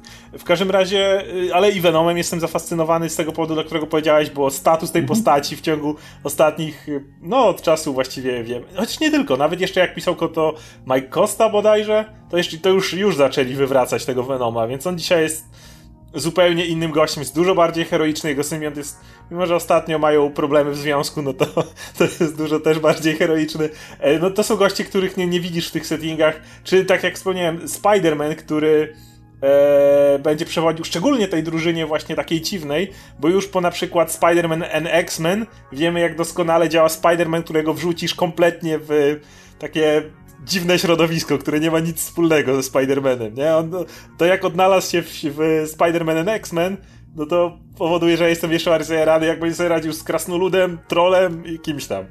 Więc to, to, to, to, działa. Natomiast cały czas się nagliczę na to, że to będzie no tak jak być powinno i tak jak jest centralna postać, czyli historia Thora, bo Aaron niesamowicie teraz ciągnie historię Thora. To jak go robił jako zagromowładnego, to jak ta postać na drugim planie, ale dalej się fajnie rozwijała przy Jane. To jak teraz powrócił i ma inną filozofię, zupełnie jest innym, doroślejszym gościem. Ostatni nie, nie czytałeś Tora, ale był ostatni mhm. zeszyt, to, to na, na, chwilę o nim powiem, bo był po prostu fenomenalny, który opiera się na relacji Thora i Odyna. I on był a, absolutnie. Myślisz sobie, kurde, na tym etapie to Aaron będzie pisał zapychacze już, żeby tylko, wiadomo, War of the Realms, to trzeba mhm. coś pisać, żeby ten Thor wychodził. Ale on, jasne, akcja nie idzie do przodu, ale on teraz wchodzi mocno w psychikę i na poziomie emocjonalnym dalej jest niesamowity. Masz motyw, w którym Thor przylatuje do Asgardu, tego starego, rozpieprzonego Asgardu, gdzie tylko te krasnale kują mu młoty i tam Odyn siedzi gdzieś i się zapija i nic więcej tam nie ma. Mm, przy czym Odyn to też istotne i to na pewno będzie miało związanie, bo chyba nawet widzimy to na okładce któregoś Tora, gdzie Odyn wysłał swojego brata jako mm, agenta specjalnego do Niflheimu, czyli do Królestwa Malekita. I będziesz miał y, tajną misję Kula Borsona na, e, wśród Mrocznych Elfów. Więc to jest istotne. I kiedy on już go wysyła, przylatuje Thor i e, widzi, że wszystkie krasnoludy nie pracują, nie robią mu nowych młotów, bo są zachlane w, w trupa. I Odyn to okazuje się, że z nimi chlał i no, Odyn wytrzymał krasnoludy nie i mówi, że ja te krasnoludy nie umieją pić. E, no i y, Thor jest kurwiony, no bo nie ma nowych młotów i zaczynają się kłócić i jednocześnie masz wspomnienie... Ca cała jest, e, historia jest na narracją Odyna, który nie potrafi swojemu synowi powiedzieć, że go kocha. Za cholerę, bo nie tak był e, wychowywany. Najpierw jest powiedziane, jak go Bor wychowywał, który no zero miłości jakiejkolwiek ojcowskiej, gdzie tam było raz, że że jak, jak dosłownie jest to mega smutno napisane, że Odyn płakał jak go Bor bił, ale nie płakał dlatego, że go bolało czy coś, tylko że wiedział, że to jest jedyny moment, kiedy mu zależy. O, Jezu. To, to, to jest naprawdę smutne. I masz taką historię potem, jakim ojcem był Odyn. I jest takie na zasadzie. E, o, e, jest tak, ma, mały tor. Ojcze, jeździłem na jakiejś tam bestii. E, jeżeli nie jedziesz do bitwy, to się nie liczy. Następne. Ojcze, zabiłem jednego trola. E, jednego? Pff, co to ma być? E, ojcze, wydałem wojnę Yy, wydałem wojnę wszystkim lodowym gigantom. E, od kiedy zabiłem ich króla są niczym. Ojcze, podniosłem Mjolnira. E, gdzie mi tu z tym starym żelastwem? I wiesz, po prostu masz tego ojca do, dobrego, Odyna. I, a, ale jednocześnie masz tą narrację w ten sposób prowadzoną, że jakby on zdaje sobie z tego sprawę, on wie jak bardzo jest skrzywiony i w, i w jakim jest stopniu, że... I to jest smutne strasznie, bo czytasz... I oni się zaczynają oczywiście bić, Odyn z Torem, zaczynają się tam napierdzielać, i Odyn strasznie prowokuje Tora, a jednocześnie myśli sobie, że nie mów tego, Boże, nie, nie mów tych rzeczy, które mu mówisz, ale no nie jest w stanie go przeprosić, bo jest Odynem, jest pieprzonym y, Olfaderem. I y, Thor tam niemiłosiernie klepie tego Odyna, Odyn leży, prawie Thor go zabija. Powie, że Balder się pojawia, żeby przerwać walkę i zabiera stamtąd Tora. Y, I Odyn na końcu myśli, że jego jedyna... Jego największym, że Thor jest w ogóle najwspanialszym ze wszystkich bogów, że dawno temu go przebił, i jego, że Odyna największe osiągnięcie w życiu, jakie zrobił, to że dzięki niemu jego syn nie jest taki jak on. Że to jest najlepsze, co, co się stało, że jego syn jest, jest, nie jest taki jak on, ale, ale zakończenie jest cudowne i ja chcę tej historii, więc Odyn, uwaga, dzwoni po, po kogoś. Po kogo dzwoni Od Odyn, żeby wpadł do niego i z nim pogadał? Nie wiem, czy wiesz, jakiś czas temu gadał z Black Pantherem na przykład, mm -hmm. jak mhm. gadali o tak. tam sprawach związanych z Final Hostem. No więc dzwoni po Starka. Okej. Okay. I przyjeżdża Stark. I wiesz, Stark mam problem. No, ty, ty rozumiem. Te, te, też to przechodziłem. I, no tak. I się wyobraź tego Odyna, który jest, ja tu jestem wszechojcem, wy dla mnie jesteście pyłkiem. Bo do tego wyobraź sobie, że dzwoni po tego Ironmana i mówi Stark, ty, tylko, tylko ty możesz się do tego odnieść. I jest dosłownie ostatnia scena tego komiksu, to nie jest taka, że tam Odyn płacze, takie, tylko siedzi na tronie i Stark mówi, no mów, no mów, no mów, co tam, no mów. I to jest rewelacyjny pomysł ogólnie. Znowu Aaron odnosi się do takich niby Bóg i człowiek, ale jednak mają to coś, co, tą jedną wspólną cechę, prawda? Obaj gdzieś tam walnęli w dno i pukali od spodu właściwie. Więc od tego typu historii chciałbym też więcej w War of the Realms. Tak, ma być wielki konflikt z Malekitem, ale no nie bez powodu tego typu podbudówki szły dalej.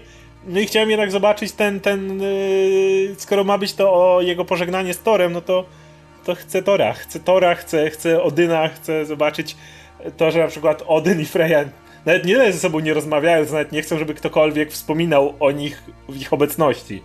Więc y, no, no tak, fajny event, ale, ale, ale jeżeli to ma być pożegnanie, to chcę, chcę tutaj akcent położony. Nie, no w ogóle Aaron y, po tym jak u, w tym ranie Jane Odin był raczej po prostu tym bucem, nie? który tam się raczej był, służy, był, no, był wrzodem na dupie dla bohaterki i, i, i reszty Asgardu, tak od jakiegoś czasu on go mocno rozwija, nie? No, pojawił się w Avengers, pojawił się, pojawia się w to, że e, stał się przecież nawet tym szefem szpiegów dla e, tych e, agentów Wakandy, nie?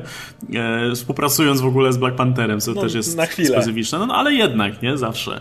Nie za darmo też, ale, ale jednak. E, wcześniej on sobie tego nie wyobrażał. Więc myślę, że jego rola ogólnie w tym War of the Realms też, też myślę, będzie bardzo istotna. Kto wie, czy, czy nie będzie miał jakiejś jednak, e, wiesz, jakiejś rehabilitacji. No właśnie. Mhm. Bo, bo no tutaj ewidentnie wchodzi w to jakby, że Odin wie, że jest bucem, e, kocha swojego syna, jest z niego maksymalnie dumny, ale jednocześnie zdaje sobie sprawę, że jest chujowym ojcem i nie bardzo wie, co na to poradzić. No, także to brzmi naprawdę bardzo fajnie i no słuchajcie, jeśli potrzebujecie przeczytać coś przed tym, no to to albo, to, wiesz, to jest jeden z tych eventów, że albo czytaj wszystko, albo nic, bo albo no, tak, Marvel podaje tą całą, Marvel stworzył ogólnie cały artykuł, który się nazywa Everything You Need to Know About War of the Realms, e, możecie go sobie łatwo wyszukać, e, gdzie no, macie streszczone wszystko to, co mniej więcej trzeba wiedzieć i to, co się przyda podczas czytania. Natomiast też na sam koniec opublikowali listę tytułów, które warto przeczytać, gdzie jest e, Thor, Loki, Original Sin, Secret Wars i tak dalej, i tak dalej, bo to wszystko wiadomo, coś tam wnosi na pewno, co będzie pociągnięte w tym, ale jakbym miałem powiedzieć, co macie, wiesz, tak obowiązkowo przeczytać, czasu już nie ma dużo, e, więc, więc jakbyście mieli wykupić sobie Marvel Unlimited i coś przeczytać, ja bym powiedział, że czytajcie Thora, którąś serię z Thorem i od was zależy, jak daleko się cofniecie, nie? Czy to będzie od God of Thunder, a tak by było najlepiej, czy to będzie od serii z Jane Foster, czy to będzie od drugiej serii z Jane Foster, czy to nawet będzie teraz od, od takie minimum, minimum, e, co, co jest pisane w, w tej nowej serii już po podejściu Jane's z. Aczkolwiek warto, ja myślę, przeczytać jeszcze jedną rzecz. Warto mimo wszystko jednak jeśli poświęcić trochę czasu i przeczytać tą serię z Jane, no bo jednak tam jest przedstawiony Maleki, te wszystkie mm. jego machinacje są nam pokazane, jak zdobywał kolejne przewagę, plus y, oczywiście y, no, wszystkie strony są przedstawione, także jak już, to, to, to, to najlepiej tę serię i, i, i ona was poprowadzi prosto do eventu, myślę. Ja bym powiedział, że seria z Jane może być ta druga, bo ta pierwsza no, niby wprowadza, no, ale ona była kiepska, bo ona cała opierała się, kto jest, kto nosi motora, kim jest kobieta pod maską. Więc no jak już, ej, to jest Jane, okej, okay, nie musicie czytać. Ale, ale już ta pod Secret Wars jak najbardziej, ale dodałbym do tego koniecznie krótkie pięć, pięć zeszytów, które też już powinno być od dawna na Limited, czyli Unworthy Thor. Mhm. Bo Unworthy Thor to była ta pięciozeszytowa y, seria, która najbardziej pokazała nam przemianę Odinsona z tego Ochlejtusa, który był po stracie młota, wojownika, który potrafi pogodzić się z pewnymi sprawami dzisiaj. No tam jest wyjaśnione jakby czym, co oznacza bycie niegodnym, dlaczego jest niegodnym i też jak można sobie z tym poradzić, y, więc jakby Jane plus, no to było w tym samym czasie i obie serie pisał Aaron, więc one się niejako uzupełniały. Także ta Jane post Secret Wars i, Unworthy Thor to są dwie rzeczy, które bym polecał. No to ja się, ja się przychylę do tego. Także macie swoje minimum czytania, jak chcecie więcej, no to ponownie zajrzyjcie do tej listy, którą tutaj publikowano. Natomiast e, jeszcze jedna rzecz, a, a, a propos jeszcze tych tainów, e, bo tak sobie przyglądałem w trakcie, jak, jak, jak mówiłeś, e, właśnie zapowiedzi Marvela, no i faktycznie tak jest, że część serii ma te tajny, jakby są połączone z serią i część z nich jest oczywista, czyli na przykład, że Avengers będą miały tajny, że Iron Man będzie miał tajny, bo on tam będzie obecny, ale na przykład jest parę takich bardzo nieoczywistych, na przykład Squirrel Girl będzie miała tajny, ale z drugiej strony wiesz, że wielka, ma sens, bo wielka to... Wiewiórka. Ale wiesz, z punktu widzenia kogoś, kto czyta tę serię, to to ma sens, że nagle ej, w, tym, w, tym, w tym zeszycie Squirrel Girl jest w Asgardzie i walczy, walczy z resztą bohaterów o, wiesz, o, z Malekithem. Ale to pasuje, no Squirrel Girl czy tam dalej jest Moon Girl, no to to są serie, których, e, które ciężko Moon Girl też zaburzyć. oczywiście ma swój tajny. No to mówię, to są serie, którym ciężko płynność zaburzyć, bo jeżeli to są serie pisane w ten sposób, że jeżeli mhm. A teraz, no nawet przecież Squirrel Girl ma, ma tą narrację, w której może ona nagle powiedzieć, że okej, okay, nie wiecie co się dzieje, no trochę taki Deadpool, tylko inaczej prowadzony. Więc nie ma, nie ma z tym problemu. No gorzej, kiedy jest seria, która jest w środku swojej ważnej historii, tak jak największą ofiarą tego w ostatnich latach była Captain Marvel. Miejmy nadzieję, że tego nie będzie. No nie, jeszcze jedna rzecz, no właśnie, a jeszcze a propos tego, no to część tytułów z kolei będzie miała właśnie poza jakimiś takimi pojedynczymi rzeczami, będę miała miniserię e, i na przykład wspomniałem już wcześniej, że Punisher będzie miał trzy zeszyty swoje osobne odnośnie War of the Realms spisane przez kogo innego e, i X-Men tak samo, a, znaczy Uncanny X-Men też będzie miał swoją osobną serię, no bo też głupio by było zaburzać to, co się dzieje ważnego teraz w komiksach z X-Men, nie? E, oczywiście Spider-Man ma te swoje inne też, które nie, nie będą mu włazić do regularnych serii. No i ostatnia rzecz... Fantastic Four będzie w, na przykład z kolei... Tak, Tain będzie. Tain. No, ale to pisze Dan Slott. E, I ostatnia rzecz, myślę, warta zaznaczenia w kontekście ostatnich eventów Marvela. Ten event będzie krótki dosyć, jeśli chodzi o samą główną serię i wyjdzie dosyć szybko, szybko się z nim uporamy. Bo większość tych miniserii będzie miała ledwie trzy zeszyty, więc trzy miesiące max e, to zajmie, plus e, sama, seria, sama eventowa seria, ta główna War of the Realms, będzie miała sześć zeszytów e, i będą wychodzić po dwa na miesiąc, więc uporamy się z tym szybko. Nie będziemy, wiesz, czekać przez sześć miesięcy, aż wyjdzie finał, nie? Co było troszkę problemem do tej pory. Russell Dauterman to ilustruje wszystko. miały. I zwykle te miniserie miały po 5 zeszytów, więc jak to rozłożysz, to faktycznie było. No to, to, dosłownie jest ten event, albo nawet po 6, więc jak pomyślisz, to długością jest połową, mhm. bo miałeś 12 na event mniej więcej i, i 5 do 6 na Tain, czyli mówisz, że jest dokładnie połowa. Tak. No i rysuje to, czy ilustruje to Russell Dauterman, który raz, że ponoć to już jest w ogóle gotowe i przygotowane, więc nie będzie opóźnień, a dwa, że on sam z siebie jakby jest dosyć szybkim. Mimo tutaj takiego szczegółowego stylu, to on dosyć szybko, pamiętam, pracował, no bo w Thorze bardzo rzadko się zdarzało, że ktoś go zastępował, nie? Raczej na jeden zeszyt gdzieś tam, na dwa może, ale tak poza tym, no to pamiętam, że tą Jane ilustrował bardzo regularnie, więc... Tym bardziej, że on chyba nie miał za wiele do rysowania ostatnio, Nie, nie, nie, nie rysował nic innego poza tym, no. Więc no to jest też fajny pomysł, jak był problem największy z, z Secret Wars. Jak to rysował. E, jak on się nazywa? E, rysownik Secret Wars. Eee, Esad Ribic. Ribic, właśnie. E, no to jak on no, nie, miał rysować to, wcześniej rysował oczywiście do wprowadzenia, czyli te E, kawałki Time Runs Out i tak dalej. Nie całe, bo tam pamiętam, że były różni rysownicy, ale część była jego dalej. No i gość się nie wyrobił i Secret Wars mieliśmy te fatalne opóźnienia, natomiast y, Marvel, no, ten event wydaje mi się, jeżeli nie będzie tego błędu, o którym mówimy, czyli, mm, czyli nie, nie wpieprzy się w żadną serię tak zbyt mocno, no to będzie najbardziej pokazane jak Marvel się zmienił, jak wyciągnął całą masę wniosków na błędach, które y, no, sorry, za, za czasów Alonso popełniali regularnie. Jakby miałem wrażenie, że tam niczego się nie uczą, a wręcz jeżeli coś jest sukcesem, nie uczą się na błędach, a tylko starają się powtarzać swoje sukcesy. Tak trochę widzę historię e, Axela Alonso i jego Marvela. Kiedy Marvel miał super sukces, y, błędów nie widzimy, ale próbujemy powtarzać, powtarzać ten sukces jeszcze raz. Natomiast War of the Realms wydaje mi się takim najlepszym przykładem tego, jak wyciągnęli całą masę wniosków ze swoich porażek, ze swoich błędów. Właśnie to wpieprzanie się w główne historie.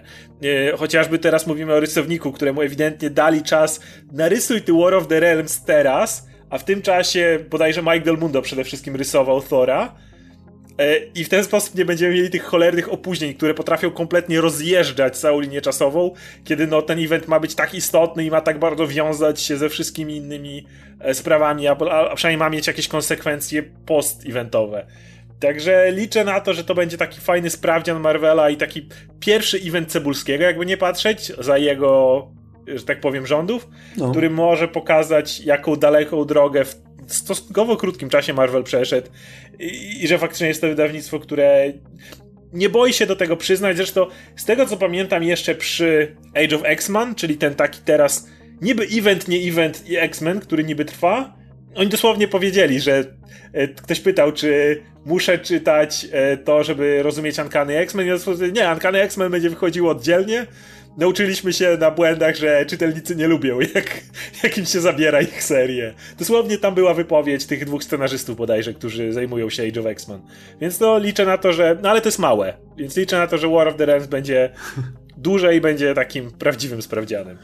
No i tym optymistycznym akcentem możemy zakończyć. Mam nadzieję, że wiecie wszystko, co powinniście wiedzieć o War of the Realms e, i oczywiście jak tylko event wyjdzie, e, no to postaramy się coś o nim powiedzieć, choćby przynajmniej o starcie.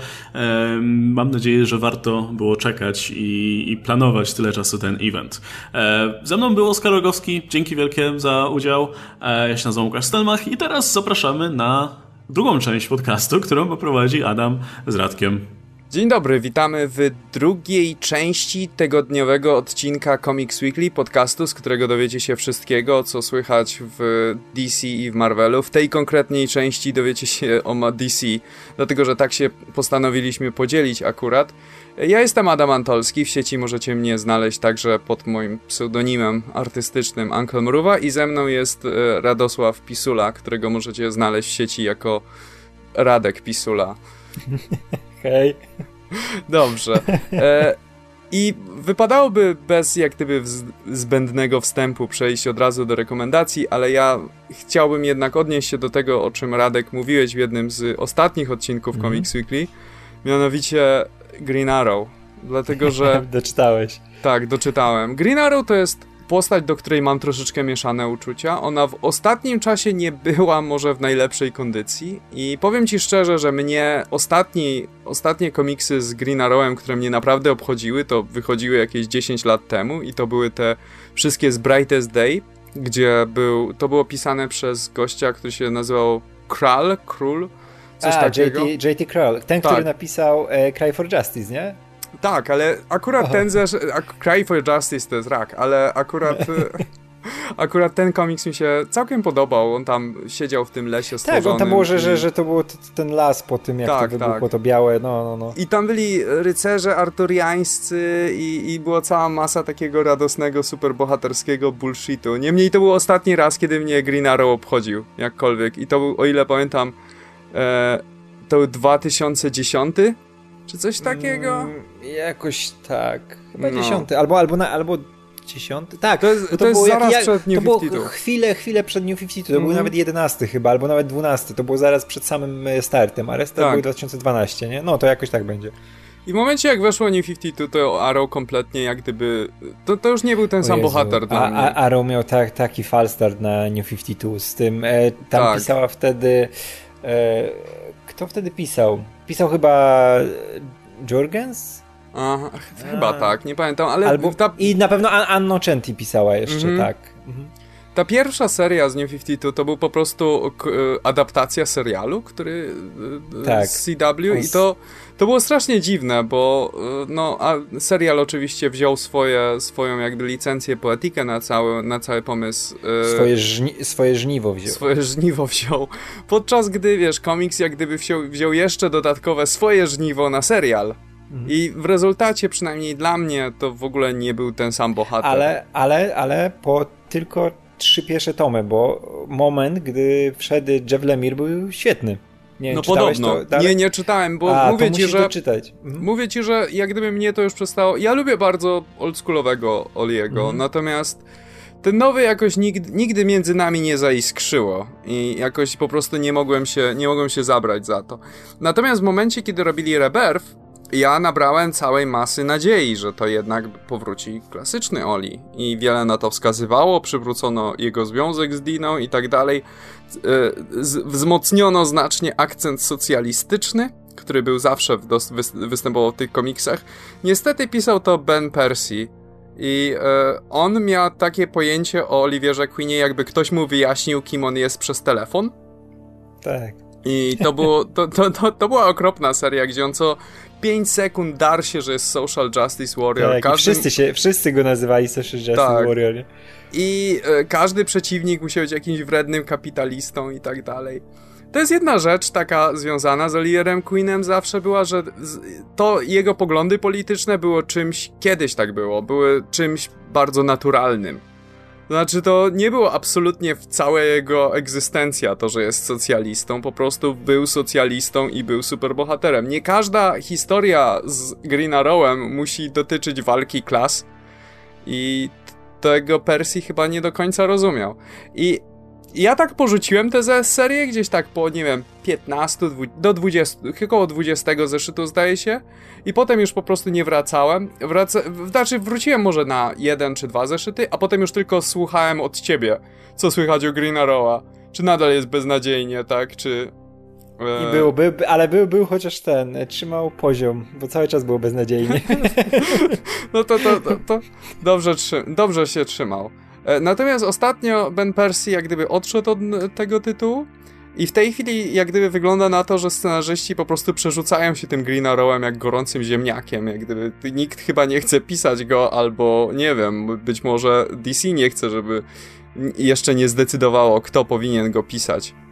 A e, zanim jeszcze, zanim przejdziemy do tego, o czym będziemy gadać, tym co no. się działo po Persji, nie? To chciałbym jeszcze tylko wrócić na chwilę do tego, co było wcześniej, nie? Że mhm. w ogóle ja jestem, ja jestem wielkim fanem Green Arrow'a od czasu tego ranu Mike'a Grella pod koniec lat 80., nie? W drugiej połowie mhm. lat 80. i na początku 90., e, gdzie to jest jeden z najlepszych komiksów, jakie DC, najlepszych serii, jaką kiedykolwiek DC zrobiło, nie?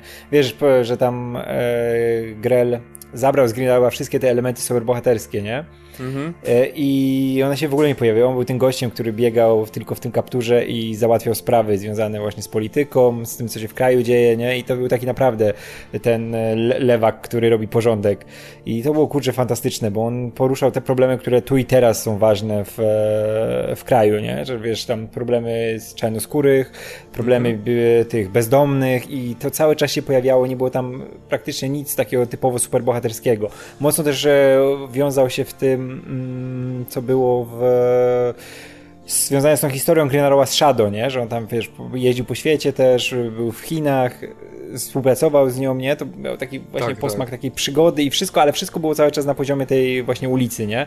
Z tymi problemami, które tu i teraz. On tam się mocno rozprawiał z rządami Reagana, z tym, co za nimi poszło, wiesz, konflikty zbrojne, tam Green Arrow był przez rząd na przykład e, e, w, jako kozioł ofiarny, nie? Mm -hmm. tam, tam statek jakiś wysadził i on niby był tym terrorystą, który to zrobił, bo trzeba było na kogoś winę zwalić. Tam był zresztą ten agent, który był taki bardzo, bardzo, e, wiesz, grał do, do kilku bramek naraz. Zapomniałem jak on się nazywał, ale to też był fantastyczny motyw, że on niby był kumplem Green Arrowa, na jakimś tam poziomie, wiesz, e, rozumieli się, ale no to był ten e, wataszka, który skacze z kwiatka na kwiatek, nie? I załatwia swoje sprawy. I Oli cały czas zostaje po dupie przez to, że go zna i zna innych, którzy są powiązani właśnie z rządem i z tym wszystkim. Kurczę, to była fantastyczna seria. Tam jedyny moment, kiedy był jakiś element superbohaterski, to wiem, że pojawił się Hal Jordan, który mhm. się pojawił, e, miał pierścień, ale nie używał go ani nic, chodził w tej swojej kurtce pilota tylko i pojechali na do lasu, nie? Tam, e, żeby posiedzieć przy ognisku i załatwić swoje sprawy, wiesz. I tam się w pewnym momencie zaczęli tłuc i wiesz, jak faceci, no, musieli sobie kilka rzeczy wygarnąć, nie? I to też nie wiązało się z, i to było super, nie? Bo nie wiązało się z żadnym konfliktem superbohaterskim, z żadnym wielkim, wiesz, potworem, no, no, no. tylko dwóch gości tłumaczy sobie sprawy i dochodzi do tego, że się muszą, e, wiesz, wytłuc z siebie pewne rzeczy i znowu się pogodzić. Jest cały numer o tym i kurczę, to było fantastyczne. To było coś, co wychodziło oczywiście z tej rewolucji Alana Mura, nie? Która sprowadzała tych bohaterów e, w ten, na ten poziom, wiesz, większego realizmu. To wiesz co, ja w tak. przypadku Green Arrowa to wydaje mm. mi się, że też ta seria Green Lantern, Green Arrow, Deniego Lila też tu miała duży wpływ tak, na Tak, to. tak, to tak, Bo to no, pierwszy no, raz, oczywiście. kiedy to się mhm. kumpelstwo stworzyło, ta przyjaźń. Z Green Lanternem. Tak. I w ogóle to jest fantastyczna relacja. Wydaje mi się, że jej jest w tej chwili zdecydowanie za mało. Gdzie... Za mało. Mhm. Gdzie, wiesz, ona jest strasznie unikalna, mhm. że masz, wiesz, gościa, który lata jest, wiesz, mhm. policjantem w kosmosie i tego, który jest naj, najbliżej ulicy, ten, który załatwia sprawy tu i teraz, nie? Zderzenie dwóch światów zupełnie. Szczególnie, że teraz wydaje mi się, że jest dobry moment, żeby ta przyjaźń wróciła, kiedy Grant Morrison jak gdyby troszeczkę rekonstruuje postać Hala Jordana jakiego, jako takiego kosmicznego Johna Wayne'a, dlatego, że w tej klasycznej serii Deniego O'Neilla to było to tak skonstruowane, że Hal Jordan pełnił rolę takiego konserwatysty bardziej, takiego człowieka status quo, tak. podczas gdy, podczas gdy Oli był właśnie człowiekiem ulicy i, i tak dalej, i tak dalej. I to naprawdę dobrze działało, jak gdyby tak, bo to było fajne, bo jeden się tak. od drugiego uczył czegoś, nie? To tak. nie było też takie jednostronne, że to, to jest dobra postawa, to jest zła postawa, nie? Każdy coś dawał od siebie i oni się musieli dotrzeć z tymi swoimi poglądami i wiesz, wskazywało nie. to fajnie to, że każdy, każdy ma rację, ale każdy się też myli, nie? I... No i nie, i było też takie coś, było też takie braterstwo interpersonalne między nimi pod sam koniec, gdzie czułeś, że wiesz, że pomimo różnic pomiędzy nimi potrafili się rozumieć na takim najbardziej podstawowym poziomie i to jest, to jest coś fantastycznego. Szkoda właśnie, że Green Arrow nadal trochę się, bo, bo naprawdę dobrze by było żeby ta relacja w jakiejś formie powróciła. Ja się stałem fanem Green Arrowa, chociaż nie jestem pewien, czy mogę użyć tego słowa. Ja lubię Green Arrowa od czasu, kiedy zacząłem czytać run Kevina Smitha który jest dokładną odwrotnością o, tego, o czym... U mnie, u, u, mnie, to było totalnie zakochanie się w tej postaci, właśnie jak Egmont u nas wypuścił no. te e, Coachan. Tak. Dwa tomy. Jezu, Quiver. ja to kupiłem od razu po premierze i to było takie uderzenie, wiesz, zupełnie inny styl pisania komiksów niż to, co było, wiesz, za Semika i ta, ta narracja z lat 90., nie? A tutaj jest już taki, kurczę, no taka cool po prostu, nie? Ale tak, taki dobry sposób. Nie, nie że, wiesz, za, wiesz, to było zarąbiste w e, Coachanie, że jak gdyby Kevin Smith w ogóle nie przejmował się tym, że to wszystko gówno brzmi naprawdę źle i głupio i po prostu inkorporował wszystko i udało mu się, wiesz, wyjaśnić powrót do życia postaci, która, wiesz, nie ma żadnych supermocy, nie powinna była wrócić w żaden sposób, w taki najbardziej komiksowy sposób, jaki jest to tylko możliwe. I zrobiła to po, to po mistrzowsku, z humorem i tak dalej. Mój ulubiony element to jest wciąż to, że wiesz, że główny złoczyńca cały czas ukrywał się w tym samym mieszkaniu co Oliver Queen, bo Oliver Queen jest do tego stopnia lewakiem, że nie mógł uwierzyć w to, że gay by zrobił coś złego. On tak, tak. w ogóle udawał. I to, to, był, to jest taki, to jest tak charakterystyczne dla Olivera Queena, bo to jest gość, który jest który ma bardzo dobre intencje, który ma, który, gdzie wiesz, wszystkie jego poglądy są jak gdyby wynikają z jego doświadczeń i wynikają z tego, co sam przeszedł, ale też to, co doświadczył po prostu pomagając ludziom. E, ale równocześnie, wiesz, czasami e, tego typu, wiesz, nie, wiesz, przylepienie się do jakiejś ideologii trochę może cię oślepić na oczywiste fakty dookoła ciebie. I wiesz, to było zawsze jak gdyby jedną ze słabości Green Arrowa i to jest tutaj mistrzowsko wykonane. Też, i on ma zawsze ten, ten jeszcze to jest piękny kontrast, że on jest jednak y, bogaczem, nie? Uh-huh. I cały czas to nad nim ciąży, że... Nie, nie zawsze był bogaczem, prawda? Ale... No nie, tak, tak, tak, ale, ale, ale wiesz, to jest ten główny, no kojarzysz go jako tego, tak, wiesz, tak. Za, za, zawsze masz to, że on jednak wraca do tej kasy, nie? I, i traci ją, ale zawsze, zawsze jest ten wątek, że no to jest facet, który ma poglądy jakie ma, chce być blisko ludzi, ale też jest oddalony przez to, że wywodzi się z takiej rodziny, z jakiej się wywodzi, nie? I stoją za nim jednak y, no, pieniądze, nie? I, I inne, no żyje na innym poziomie, nie? I mhm. też, też, też to jest fajnie, jak jest dobrze rozwijane, nie? I sensownie. Na przykład jak, to, to było fajne u Smitha właśnie, że no on powraca do żywych i ten, i, ale dalej jest tak odlepiony, nie? Tak. Od tego wszystkiego, że on chce być blisko ulicy, znowu wiesz, tam biega po tych, po tych zaułkach i ten, ale cały czas czujesz, że on na innym poziomie działa i nie zauważa pewnych rzeczy, nie? I kurczę, to jest naprawdę fajnie powiedziane. Totalnie mnie kupił, pamiętam za pierwszym razem e, Coachan. To jest tak dobry komiks. Ale to jest... Fajny, nawet nie, nie, nie dobry, tylko fajny po prostu, nie? ja bym powiedział, że jest dobry. Mi się bardzo jest, jest dobry, jest dobry, ale, ale nie, nie powie, że to jest jakieś arcydzieło, nie? Ale nie, jeśli chcesz komuś... Po... Tak. No wiesz, jak chcesz komuś polecić... Mhm. No dokładnie, jak chcesz komuś polecić, to, to jest fajny komiks, nie? Żeby o, dobrze napisany i no nie arcydzieło, ale nie, nie potrzebuje być arcydziełem. Dobrze, no to teraz flash forward do, do, do współczesnych czasów mhm. i mieliśmy, e, mieliśmy historię napisaną przez e, Margaret Scott, mam nadzieję, że imię tak, tak, wymówiłem tak. prawidłowo, która opowiadała o Parasajcie, który e, ucieka z więzienia. I to było zaskakująco dobrze napisane. Naprawdę mnie to, naprawdę dobrze mi się to czytało. To był troszeczkę taki Oliver Queen ze starych dobrych czasów, gdzie, wiesz, gdzie jest bardzo dużo akcji, gdzie Oli się przejmuje ludźmi, masz cały czas narrację i wszystko. I całkiem fajnie był pokazany Parasite z takiej bardziej troszeczkę delikatnej strony, jako także ofiara tego, tego systemu całego, nie tylko po prostu wielki potwór, który tak. jest do pokonania. I jedno, co jeszcze z tych dwóch zeszytów jak gdyby wyciągnąłem, to jest to, że chciałbym zobaczyć kiedyś grę wideo z Green Arrowem. Bo w tym, y, bo w tym komiksie on jak gdyby kluczowe jest to, jak on używa strzał, że dobiera strzał do określonego przeciwnika, że czasem trzeba się skradać, czasem trzeba uderzyć, wiesz, full frontal. E, I wydaje mi się, że wiesz, że to by był dobry materiał na grę, jakbyś musiał, wiesz, jakbyś musiał na przykład, wiesz, infiltrować jakąś bazę, mm -hmm. coś takiego jak Green Arrow i wiesz, i niektórych gości byś mógł z oddali po prostu wysnajpować za pomocą jednych strzał, i, a innych byś po prostu zdzielił strzałą z rękawicą bokserską. I... Tak, w ogóle, wiesz, tam, tam masz gotowe też e, sekwencje z gry w tym, w tym mhm. komiksie, jak on e, biegnie po tych e no, jak to się nazywa? E, e, tam, gdzie klima jest, nie? Szybach wentylacyjnych? Szybach wentylacyjnych. Okej. Okay. No, jak on biegnie po tym szybie i wie, że jakiś potwór go goni i on tam wyskakuje w ostatniej chwili, coś tam strzela do niego, nie? Kurczę, to jest naprawdę gotowa, gotowa sekwencja z gry, nie? Jakieś przemykanie pomiędzy tymi e, celami. W ogóle jak to, jak masz ten moment, że wszyscy więźniowie tam uciekają z tego więzienia, nie? To tak. też jest takie gotowa podbudówka pod grę.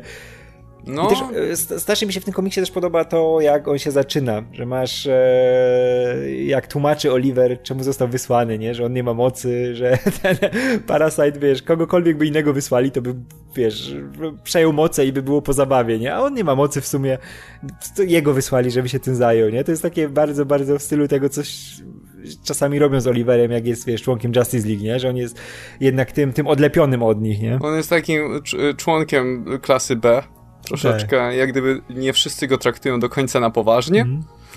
E, ale nie, wiesz co, e, podobało mi się też, wiesz, e, podobało mi się też jak gdyby e, końcówka z tym, jak właśnie pokazano, jak Parasite jest trzymany i tak mm. dalej i że, wiesz, czasami czasami system jest chujowy, ale w sumie nie ma lepszego rozwiązania mm. i to jest takie, wiesz, bardzo prawdziwe. Słodkie, słodkie gorzkie zakończenie, no, że się tak. udało, ale nie udało do końca. No tak, no bo Parasite, wiesz, on nie jest winny temu, co mm. się mhm. z nim stało. On jest ofiarą, jak gdyby, i... ale równocześnie, no, musi być trzymany w takich warunkach, bo innych mm. warunków nie ma. Nie ma. I to było to było takie właśnie słodko-gorzkie zakończenie, które moim zdaniem, wiesz, to jest, to jest bardzo dobra była historia właśnie Olivera Queena. E, później e, mieliśmy historię napisaną przez Julie Benson. To jest ta historia z Citizenem, czy... Tak, tak. To jest ta historia. Mhm. Citizen, powiem ci, że wydaje mi się, że to był dobry przeciwnik dla Olivera Queena, bo to jest gość, który ma podobne e, pryncypia, podobne wartości wyznaje, ale równocześnie, wiesz, wierzy w to, że cel uświęca środki. E, podczas gdy jednak Oli tak. wiesz, mhm. jest bohaterem i tak dalej. I na początku wydawało mi się to bardzo, wiesz, że to ta historia ma ogromny potencjał, nawet jeśli ten Citizen to jest, wiesz, praktycznie anarchii, tylko w trochę innym kostiumie. No tak, tak. Ja na początku w ogóle myślałem, że to jest nowa wersja też, anarkiego, też bo tak zapomniałem, myślałem. tak, zapomniałem, że już były chyba anarki, nie? W tym, w New 52. Był, był i jest był, równie był, tak. chujowy. No, no to super. To, to, to już na. To już. Anarki to jest w ogóle zupełnie inna puszka Bandory. To jest postać, no, która wiesz. Kiedy powstawała, była fantastyczna, a później nikt nie umiał jej napisać. Tak, on był dobry, dobry tylko w tej, tej właśnie pierwszej historii, do tego całego tak. myku. Kim on się okazuje, nie? I ten. I to, to, to było mocne. A później już go tak ciągnęli. W ogóle on później swoje serie dostawał, nie? Mm -hmm solowe, o matko. Których w ogóle, e, których w ogóle o ile pamiętam, jak z Kelenem rozmawialiśmy z Alanem Grantem, to w ogóle oni nie chcieli, żeby Anarki dostawał e, swoją serię, ale DC upierało się, że no okej, okay, jak wy nie będziecie robić tego Anarkiego, to komuś innemu zlecimy i oni Jezu, wtedy... Nie... To, to jest to takie coś, co mogło tylko w latach 90 przejść, tak. żeby wziąć tego anarchistę, który był jako symbol pokazany, tylko miał być w tej jednej historii, nie? Żeby pokazać, co, co z tego wynika, jakie zagrożenia, nie? I, i no nie, nie, musi... nie do końca, bo wiesz, no nie, nie, nie, nie, nie. Alan Grant tak. był mhm. anarchistą w tym czasie. Tak, Taka... wiem, wiem, wiem, ale, ale wiesz, wiesz też, jakie, jakie zagrożenia i jakie też, ale też było, wiesz, jakie, jakim mhm. jest zagrożenie mnie, jak taki, taki radykalizm może, wiesz, wypalić w twarz i no, szczególnie, wiesz, jak, jak się okazało, jak, jak wyszło, kto nim jest, nie? Mhm. Ale to jest postać właśnie na taką historię, na taką, którą Grant chciał opowiedzieć, nie? Którą opowiadał, fantastycznie ją opowiedział. To jest, no, jeden, jeden z moich ulubionych tytułów, jakie były jeszcze za czasów tak, Semika tak. dopuszczonych, ale to jest postać, która nie powinna dostawać swojej serii solowej w żadnym znaczy, wypadku. ewentualnie jakąś mini. Wydaje jakąś się, mini, że... tak, tak, tak, żeby coś z nim zrobić, jakiś myk, ale to była po ale... prostu solówka z tego, co pamiętam. Tak, i miała crossovery nie? z y, Kylem Raynerem no. i to, to w ogóle takie, wiesz... To, i to, jest postać, która zupełnie się nie nadaje do takiej cotygodniowej, superbohaterskiej tak, tak. papki, crossoverów i tak dalej. I to, to mogłaby być zamknięta historia. I wydaje mi się, że Alan Grant naprawdę miał coś szczególnego z tą próbą przedstawienia ideologii anarchizmu w taki komercyjny sposób. Pamiętam, że mówił nam, że właśnie, że miał z tym problemy, bo partia anarchistyczna ich kompletnie jak gdyby odrzuciła, dlatego że no, to komiksy to jest komercja, więc, więc, więc nie, no. nie, uzna, nie, nie uznali Anarchiego jako pozytywny, pozytywny obraz anarchii. No ale mnie, wracając do Citizena, e, jest to o tyle, wiesz, słabe ze względu na. Już mówiłeś chyba o tym o całym. tym wątku. O tym wątku, o tym, że wydawało się, że Oliver Queen kogoś zabił, ale okazało, że nie, jest spoko, nie przejmuj się, to był twój kumpel, on zabił. Nie, to, a on, i on, on nie żyje, to już. To on, już... on też zginął w wypadku i tak jak super wygodne dla scenariusza, tak. prawda? Do takiego stopnia, że to jest, wiesz, aż żenujące. Mhm. E, ale też i nie podobało mi się sam sposób, w jaki się rozegrał jakby z tym z Citizenem pod e, wiesz, praktycznie e, cały odcinek kończy się takim PSA, gdzie e, Oliver Queen mówi ludziom e, nie walczcie E, nie, nie, bądźcie radykałami, nie walczcie z władzą, głosujcie. I wiesz, i o ile, o ile popieram to, co on mówił, jasne, tylko, tylko, że to było tak strasznie patronizujące i takie, wiesz, praktycznie jak z starych filmów animowanych, że pod koniec musi być morał i bohaterowie, pamiętajcie dzieci. Tak, tutaj w, te, w, tej historii nic, nic naturalnie nie wychodziło. Tak. tak jeśli ten, ten finał jeśli by było no, to zrobione w sposób jakiś sensowny, nie, to powinno, zresztą mogło spokojnie z tej sytuacji Citizen to wyjść naturalnie, nie, w jakiś mhm. inny sposób, a nie powiedziane, wiesz, wprost do kamery i w taki, e, no paskudnie to wyszło. I ten wątek był w ogóle niepotrzebny z tym, że e, on niby kogoś zabił, bo to jest coś, co by mogło oddzielną pod historię pociągnąć, nie? E, zupełnie. I naprawdę, żeby on był winny tego i jak on sobie z tym musi radzić, a nie żeby go wyczyścić taki sposób i A całe... całe... podtrzymać go trochę w tym, że jest Tak, inny, tak, tak, wiesz. bo oni ci od razu rozładowują to napięcie, które masz podbudowane, mm -hmm. nie? I mhm. to, że zaczynasz wątpić w pewne rzeczy, tak jak Oliver Queen wątpi w ciebie w tym momencie, nie? No bo to jest najstraszniejsza rzecz, jaka się może zdarzyć bohaterowi, nie? Jeśli odebrał życie przypadkowo nawet. No to jest, kurczę, dla niego, wiesz, całą jego ten y, postać burzy, nie? To jego światopogląd i wszystko. A tutaj, a dobra, jednak, jednak spoko, znaleźliśmy telefon. Wiesz co, właśnie, właśnie to jest to, że wiesz, narzekałem na, na, na Cicapa, ale tam przynajmniej to naprawdę przytrzymali dłuższy moment, to, że to jest na pewno Kapitan Ameryka i tak dalej. A tutaj to jest praktycznie rozładowane w następnym zeszycie. Tak. W jednym zeszycie, no o, tak, Oliver tak, Queen zabił. Ta historia... To nie miał nawet czasu nie? przetrawić. Mhm. Tak, tak nie, z cztery zdaje się, ale wiesz, dowiadu dowiadujesz się, w jednym zeszycie się dowiadujesz, że Oliver Queen zabił.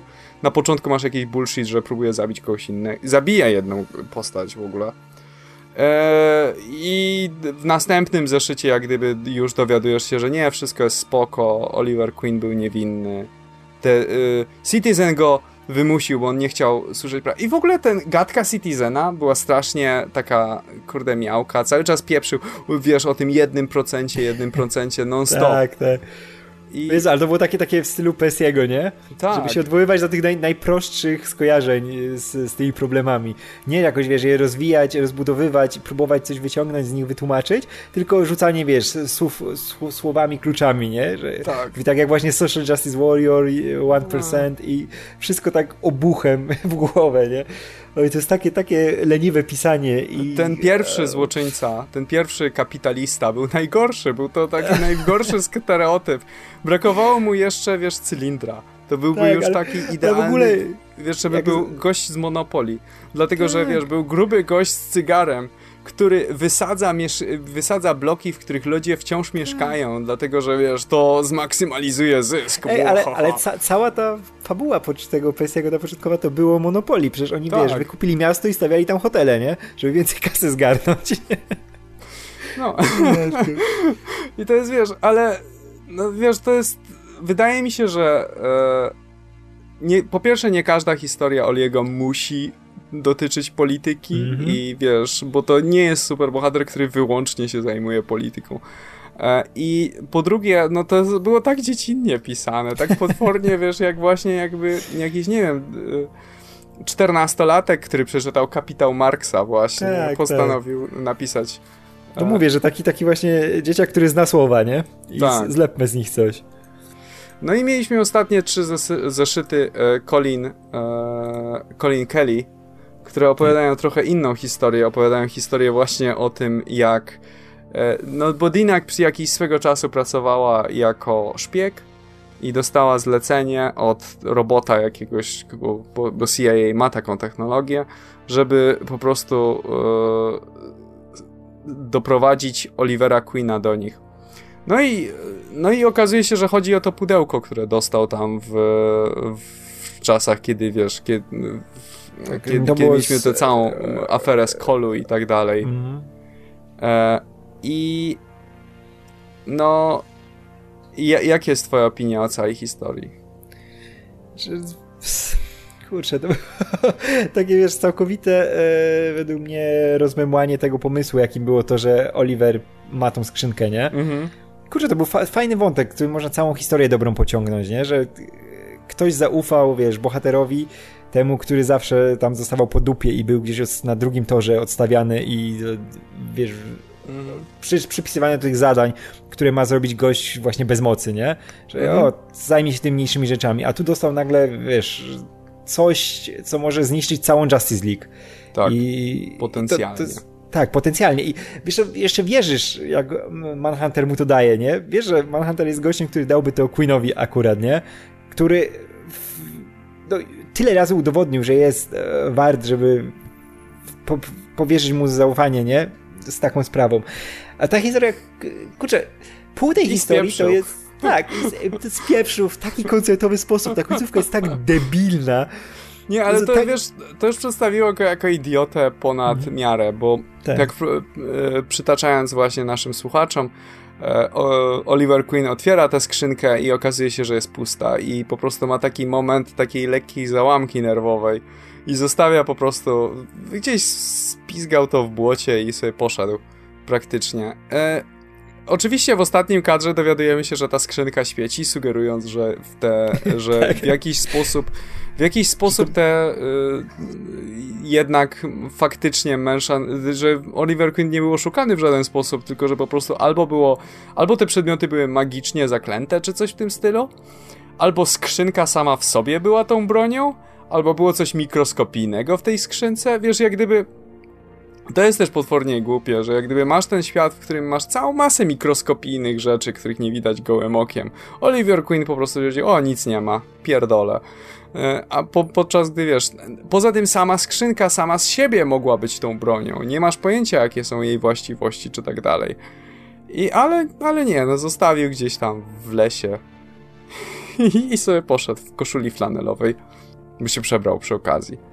Wiesz co, sama, e, sama historia do tej pory, to, że walczył z Diną i tak dalej, to mi się podobało. Podobało mi się to, że wiesz, że okazało się, że jednak ona nie do końca jest tutaj sojusznikiem e, CIA czy czegoś takiego. Tak naprawdę ona jednak staje, stanęła w obronie e, Olivera, kiedy to miało znaczenie. Podobało mi się to, e, że jednak była konfrontacja, że to było bolesne i tak dalej. To było fajnie skonstruowane, ale samo to zakończenie z tą skrzynką, no to pokazuje Olivera jako gościa, który kompletnie nie ma pojęcia, jak ten świat, w którym żyje, działa.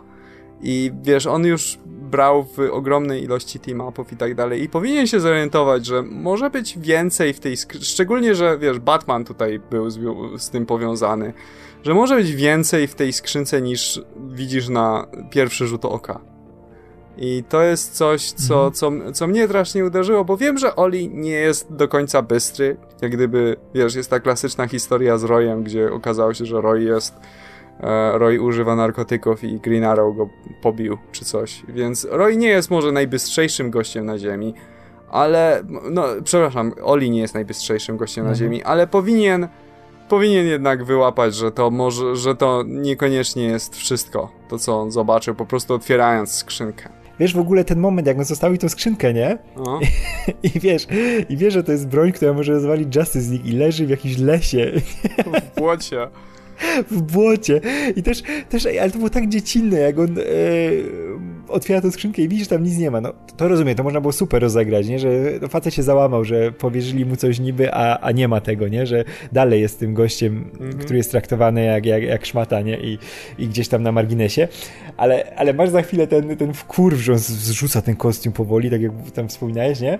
No. I, e, I mówi, wiesz, że o, teraz on pokaże lidze, nie? Jak któryś tylko się wychyli, to Oliver Queen, ten, który zawsze przeżyje, spuści w pierdol i w ogóle Matko, to było takie złe zakończenie tej serii.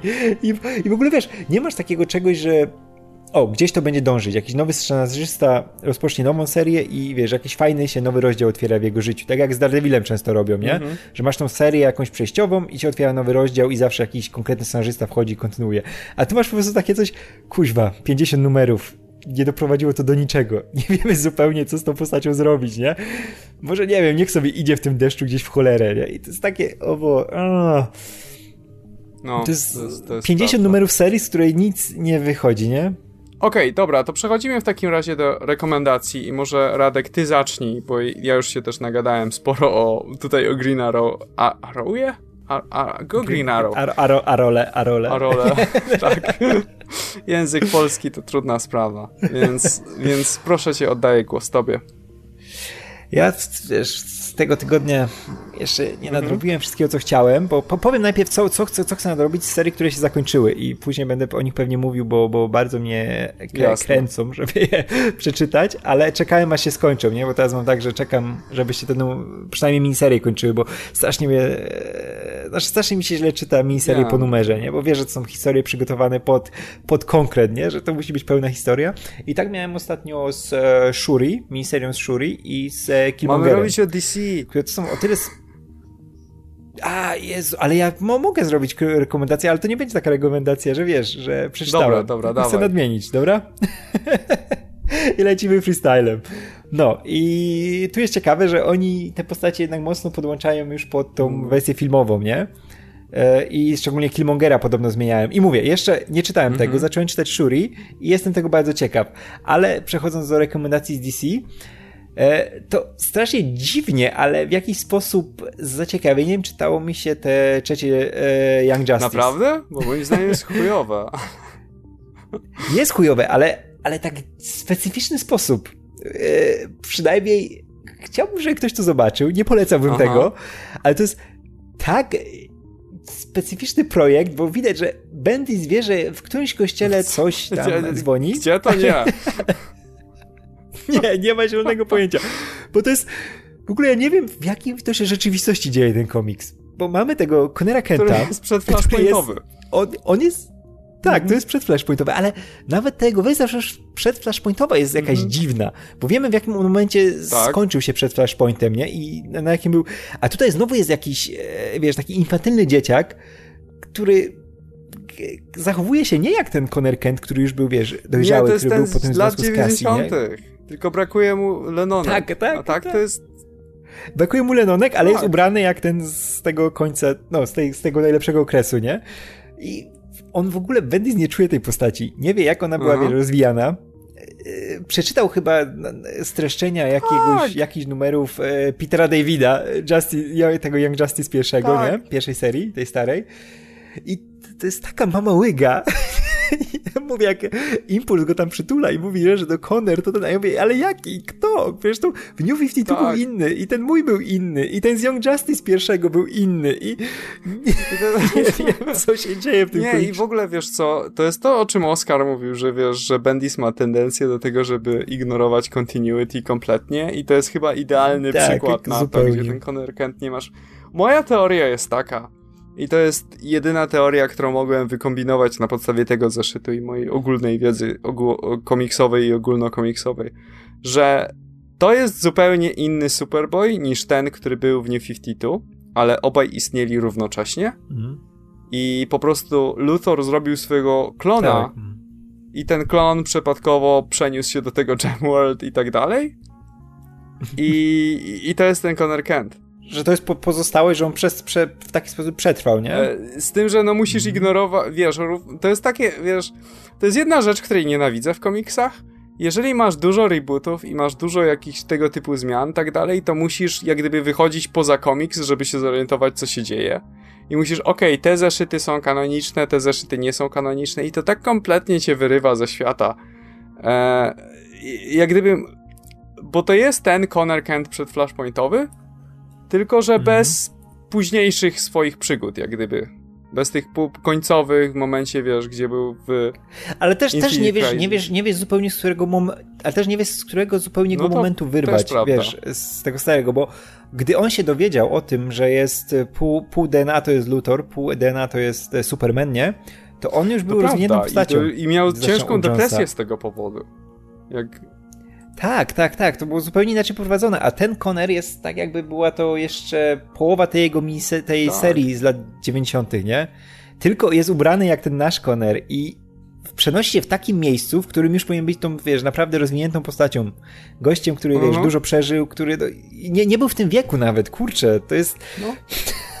to nie, nie, no, no kompletnie bajzel i to, wiesz, i to tak zastanawiasz się, wiesz, właściwie jak to sobie w głowie ułożyć. I to jest coś, co psuje ci całe doświadczenie z y, komiksu, bo jak gdyby on to, to, on to jest to pokazane, jak on w tym jest w tym laboratorium, w tym, wiesz, praktycznie, praktycznie Danger Room. Gdzie, o, zabija, wiesz, to nie był Danger Room, ale wiesz, zabija jakiegoś przypadkowego potwora i krzyczy, o, umieraj, za, przypadkowy potworze. Jest super radosny z tego powodu. I on tak naprawdę poza swoim debiutem w latach 90., podczas właśnie Reign of Superman, tak bardzo bardzo radosny później nie był. Jak gdyby to nie jest chyba ten to, to nie jest chyba ten Superboy, którego wszyscy pamiętają, prawda? Wydaje mi się, że e, ten właśnie z późniejszego okresu, z tego okolic Infinite Crisis i tak dalej, to jest ten bardziej ikoniczny w tym momencie e, Superboy. A tutaj e, jakby nie wiem jak to, nie wiem jak to w ogóle zinterpretować. Generalnie cały, cały zespół Young Justice jest gdzieś uwięziony w jakichś podziemiach czy coś w tym stylu przez cały zeszyt i się pojawia, jest tylko ta scena między Impulse i, e, i, i, i Superboyem. E, a jak powiedz mi, jak to, bo ty czytałeś te, je, ja też czytałem, tylko że to było lata temu, te Young Justice pie stare, prawda? Mhm, tak, tak. I pamiętasz je dobrze.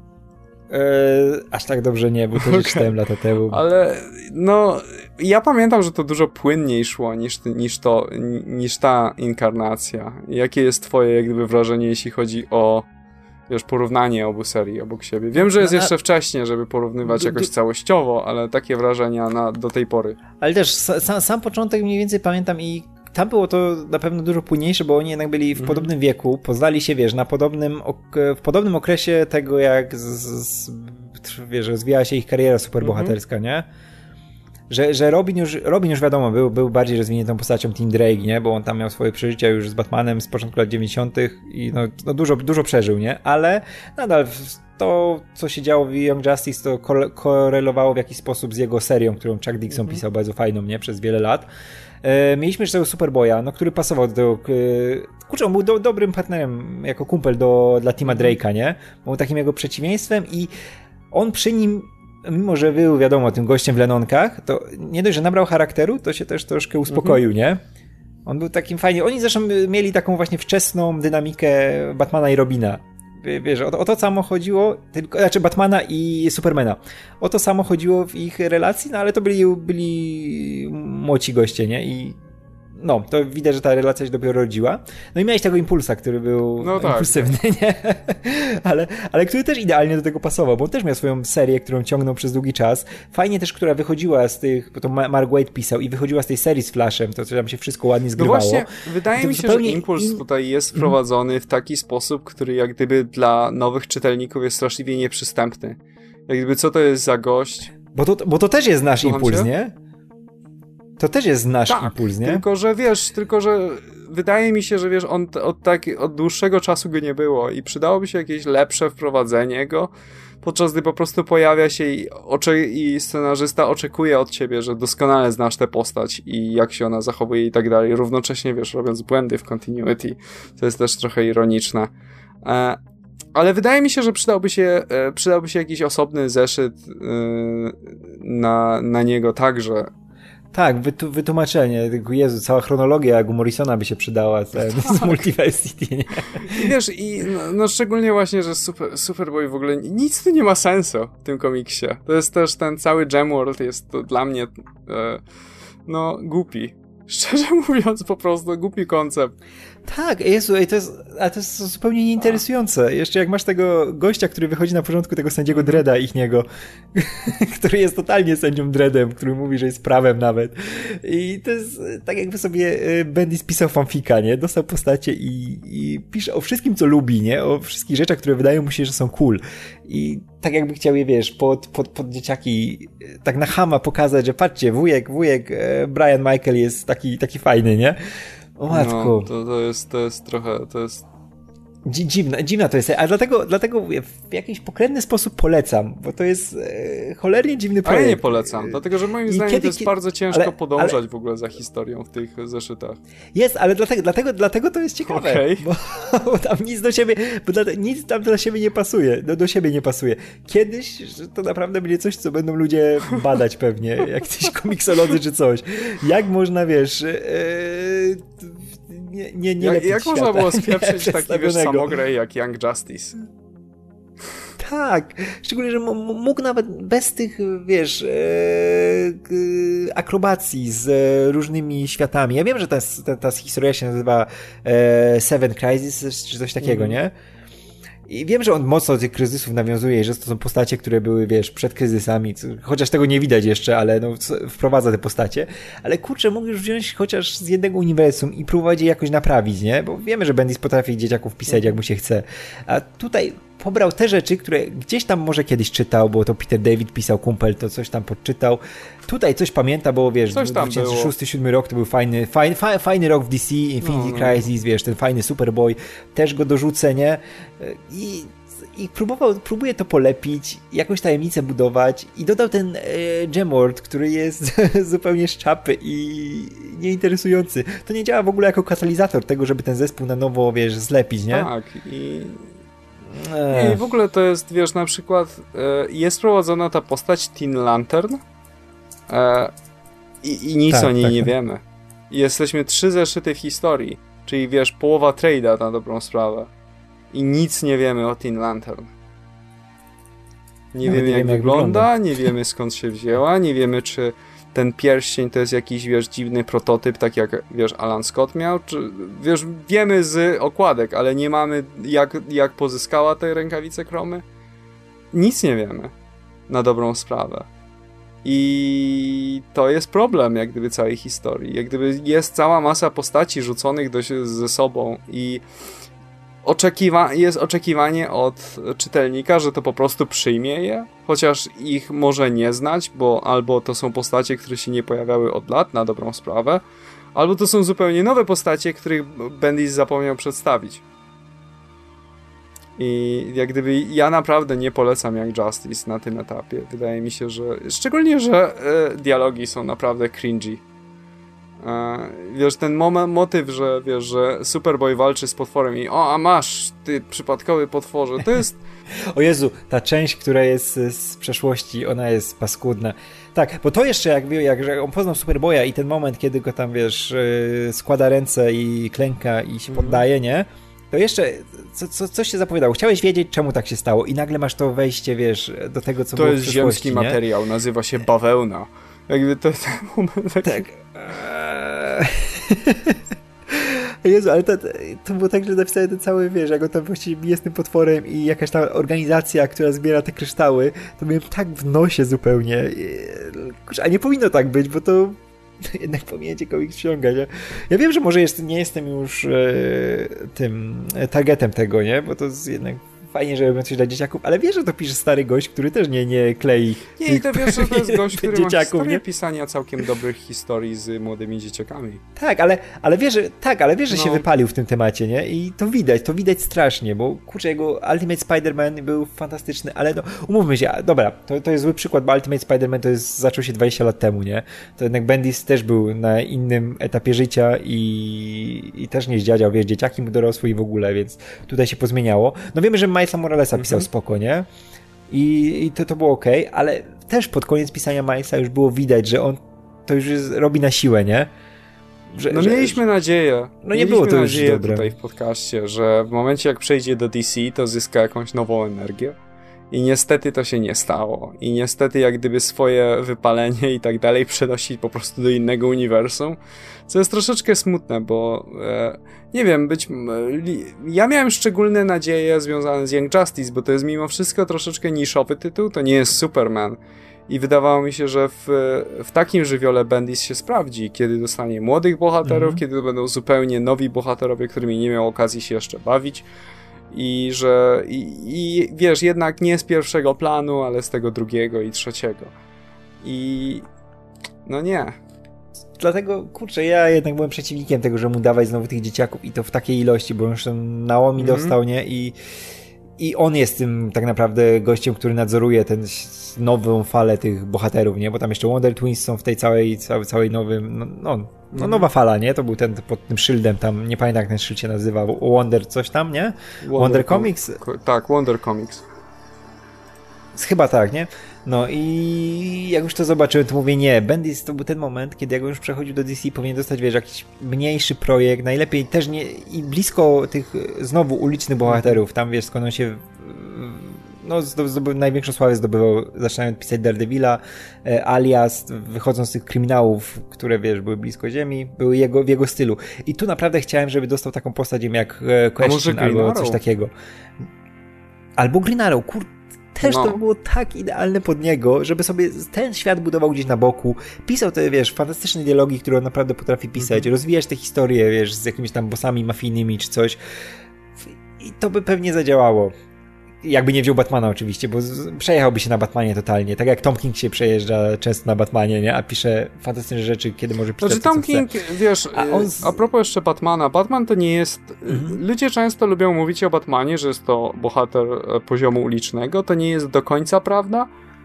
I no jest no nie, nie, nie. taki aspekt Batmana, bo Batman jest zlepkiem takiego, wiesz, gotyckiego horroru i, i kryminału nie możesz jak gdyby jednego elementu rozdzielić od drugiego. Mhm. Nie możesz mieć albo samego gotyckiego horroru, albo samego kryminału. To musi być zawsze miks tych dwóch. I wydaje mi się, że Bendis nie byłby znaczy, w stanie my, zrobić wiesz, takiego, mhm. takiego. Znaczy, y, też, też możesz rozdzielić, ale na, jednak na tak. historię góra, nie? Wiesz, jakoś tak, tak jak na przykład y, Azarello pisał mhm. te Broken City, nie? Że to był, to był typowy kryminał, ale no to jedna historia, wiesz, że jakby to było tak. dłużej pociągnięte, to by nie wypaliło, nie? Tak samo jak jakieś te wszystkie historie te horrorowe, jak Sanctum, Minioli czy coś takiego. To musi być jeden strzał, ale później musisz to znowu pożenić z kryminałem, żeby to, to działało idealnie, bo to jest no to jest yy, młyn na wodę dla Batmana, nie? To, zgadzam się całkowicie. E, I no masz rację z tym, z tym, z tym że no, Batman tak działa, ale dlatego mówię, żeby dać mu jakiegoś takiego questiona, dać mu e, Green Arrowa, taką postać, żeby się w tym znowu, wiesz, od, odzyskał po prostu znowu chęć tak. pisania komiksów przede wszystkim. A DC go władowało w tych młodych, w takich ilościach, gdzie on już w Marvelu mhm. nie domagał pod koniec z tym tematem. Widać, że był znudzony, bo on, to, to kurczę, pisał tych młodych przez e, no, 19 lat, nie? 18 lat. No nie, dalej pisze, to 19 już od czasu Ultimate Spidermana, no i każdy by się tym w końcu znudził i to tu widać. Tak samo jak z tym, że dostał Supermana, nie? Wiesz, że Bendis to nie jest scenarzysta, który w tym momencie powinien dostać taką postać, po tym ile lat tak. pisał Avengers, nie? Pisał najważniejsze postacie i pisał multum serio, w pewnym momencie chyba z 3 czy 4 pisał serio Avengers. I kurczę, oni biorą tego gościa, który był zmęczony tym wszystkim, tymi, wiesz, pierwszą ligą bohaterów i tymi dzieciakami i ładują go dokładnie w to samo. I jeszcze dają mu dwa tytuły z Supermanem. Oh. Znaczy, no wiesz, ja już mówiłem to na łamach tego podcastu, ale wydaje mi się, że najlepsze by było dla Bendisa wziąć jakąś postać, która w tej chwili albo nie jest wydawana, albo sobie nie radzi. Dlatego, że także marketingowo Bo Superman się, Superman, Batman się sprzedadzą, nawet Young Justice sprzedadzą się same z siebie. Nie potrzebujesz żadnej dodatkowej promocji. Natomiast jakbyś chciał zrobić serię na przykład Metamorfo, no to wiesz, e, nazwisko tutaj takiej gwiazdy jak Bendis mogłoby pomóc w sprzedaży. Więc mógłbyś, mógłbyś to wy wykorzystać po prostu Bendisa do... Szczególnie, że e, Bendis kiedyś e, mówił o tym, że chciałby pisać Metamorfo. Co prawda chciałby e, dać mu anal, tak to by się wyraził, jeśli dobrze pamiętam. E, ale e, no... Jednak wydaje mi się, że powinno, mu powinno się mu dać postacie, które od, albo od jakiegoś czasu były nieaktywne, albo wiesz, po prostu dobrze by było wypromować, ale nie mają, DC nie ma w tej chwili na nich pomysłu. I po prostu zrób co chcesz. No, się zgadzam w całej ciągłości. Bo kurczę, nie, no strasznie mi się tego Bendisa też czyta. O, a ja byłem przez lata byłem wielkim fanem. Wielkim fanem i coraz bardziej mi to boli. Ale tak jeszcze jak mówisz, żeby mu dać tą mniejszą serię z jakąś mniejszą postacią, że się zabawił i też to było idealne, ponieważ jakby też miał jakieś wpadki. Nawet jakby coś mu tam nie szło, to by nie był upadek z takiego wysokiego konia, jak właśnie, wiesz, tytuły z tym Supermanem, głównym bohaterem DC. I tutaj od razu, jak mu się trochę chociaż noga powinie, to już jest smród na całe, całe uniwersum, nie? No, to prawda. A tam, tam by sobie mógł coś, co popsuć, by to szybko naprawił, nie? A tutaj już się wkręci w tą historię tak bardzo, że no ciężko będzie to już naprawić, nie? A tak, Jezu, a czytałeś tam ostatni numer Supermana może? Dziewiąty? Nie, nie o matku. Tam, o, o, tego Ultramana z tego e, Crime Syndicate e, tak dziwnie napisał, próbował też z nim coś nowego zrobić. I nie, nie będę ci spoilerował, nie? Musisz przeczytać, to pogadamy o tym w następnym Aha. tym e, Comic Weekly. Ale o matko boska, to też jest taka mama łyga, że też gdzieś, gdzieś coś widział, ale może nie do końca, ale może napisze go po swojemu, ale też, też może nie, może trzeba do tej historii go dopasować z tym, wiesz, Connorem Kentem, który tam e, na niego trafił. I, a, no, więc ma, mam nadzieję, że okay, przejdźmy Bendis może... sobie odbije to jakimś innym tytułem i wyjdzie na swoje. No, no też mam taką nadzieję. Mhm. Przejdźmy może do teraz mojej rekomendacji e, i to by było Titans, które poświęciłem całkiem dużo czasu, żeby nadrobić o, ostatnio. O, prze, prze, tą serię. To jest seria, to, to jest seria Dana Abneta, która powstała przy okazji Rebirth. I jak wiesz, Titans to jest ta stary koncept DC polegający na tym, że po prostu ci starzy Teen Titans dorastają i muszą teraz dalej kontynuować swoją działalność jako zespół.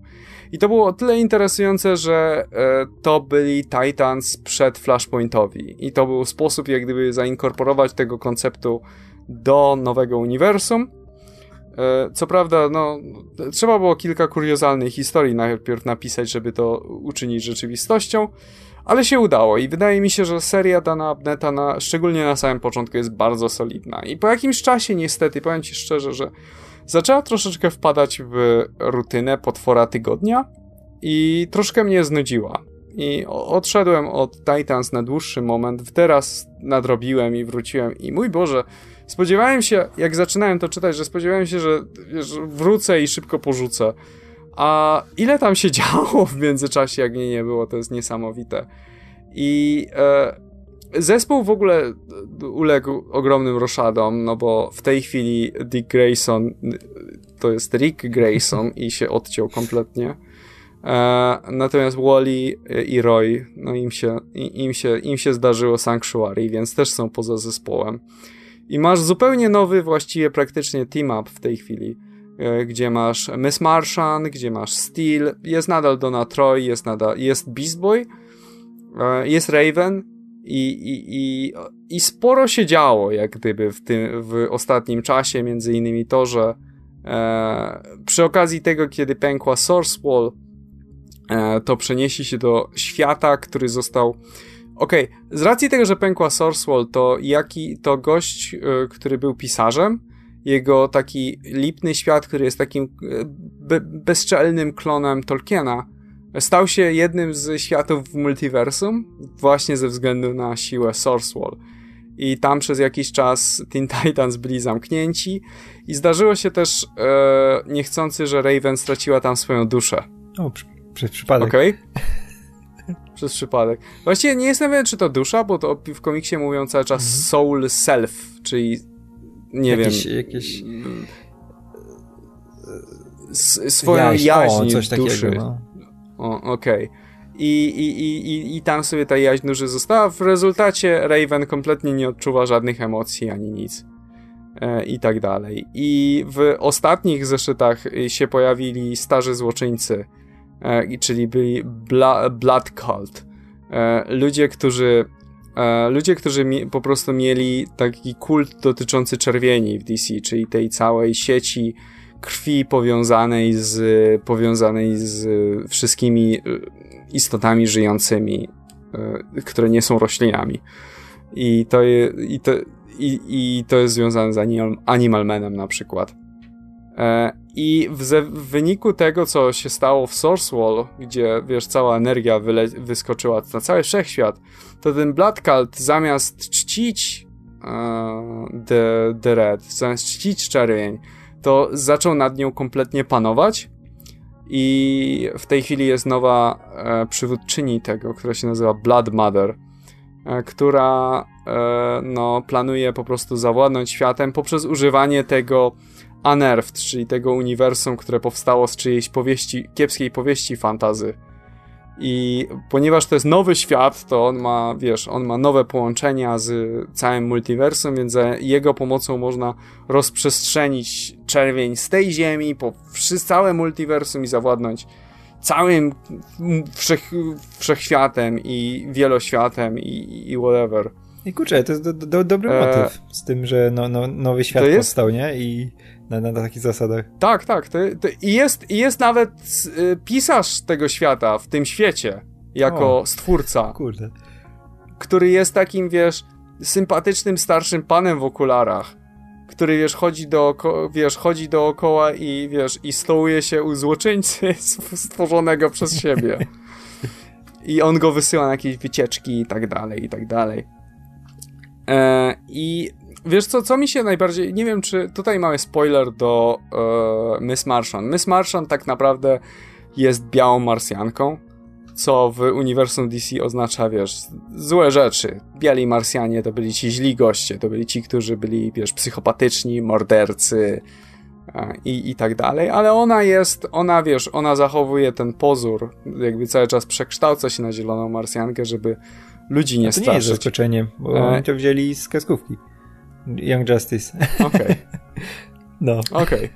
Mniejsza z tym. E, w każdym razie jest całkiem, wiesz, powiem ci, emocjonalne. E, dla tych, którzy nie wiedzieli, to jest zaskoczenie. Mm. I w komiksie jest to przedstawione jako zaskoczenie, bo wiesz, wszyscy się dowiadują w tym momencie.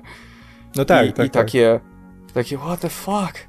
E, ale wiesz, ale jest całkiem taki emocjonujący moment pomiędzy Beast Boyem, który równocześnie ma tą energię, te totality z Source Wall w sobie i się zmienił w takiego Hulka i lata dookoła i pomiędzy właśnie Miss Martian, gdzie hej, oboje jesteśmy potworami i wiesz, uspokój się, będzie dobrze.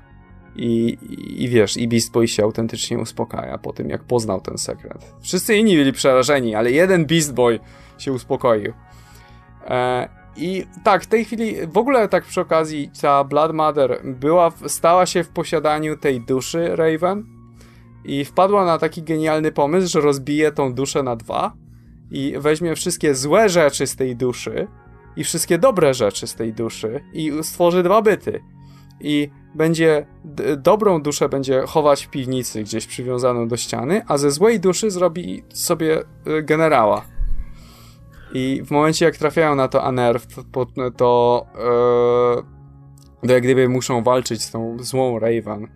Więc mamy w pewnym momencie trzy Raven jest coś, coś e, szalonego. A, przy okazji, zapomniałem wspomnieć, Kyle Rayner przy okazji wstąpił do zespołu. O. On, bo jest, on jest też zielonym, Więc, nie? On jest teraz zielonym. Więc i w swoim hmm. klasycznym kostiumie i wszystko. A w tym z lat 90., tak? Tym... Tak, tak, tak, z tymi takimi, wiesz, Lego maską Jezu, nienawid... wszystkim. tej maski nie cierpi. Nienawidzisz tej maski? Znaczy, miałem, kiedyś ją lubiłem za dzieciaka. Bo wiesz, jak, jak no. wracałem do komiksów, to akurat do nas wydawali Ziemię 1 e, Morrisona, gdzie, gdzie właśnie pojawił się ten nowy mm. Green Lantern. Tej, wiesz, zajebista maska i w ogóle on był taki cool rysownik, ale kurczę, jak dzisiaj tam patrzę na tą maskę, która zakrywa, wiesz, tak jak właśnie zbudowana z klocków Lego, większa od jego twarzy, to, to ona wygląda tylko komicznie. Ale teraz jak widzę te zdjęcia, to trochę i tak mu ją e, zmienili, nie? Już Nie, no, tak. troszeczkę ją mu tak jakby no. przykładzili, bo w tamtych czasach to wyglądało jakby po prostu ją złożył z klocków Lego.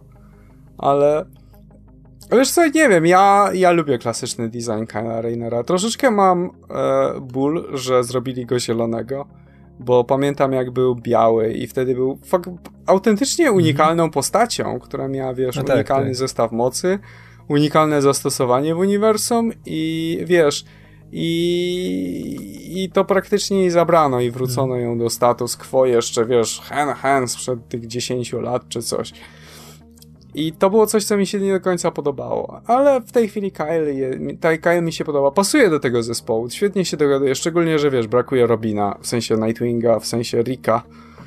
Eee, I eee, tak, jak gdyby jestem, jestem zadowolony z tego, że jest, jest tutaj.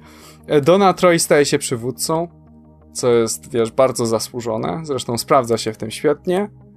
E, I w ogóle to już jest, zbliżać, to już jest koniec e, tego ranu Abneta. Jak gdyby zdaje się, że jest jeszcze jeden zeszyt i to już będzie koniec i, inno, i ktoś inny przejmie. I tak, a to, to jest długa już seria, nie? Ona tam ma chyba ponad 30 numerów?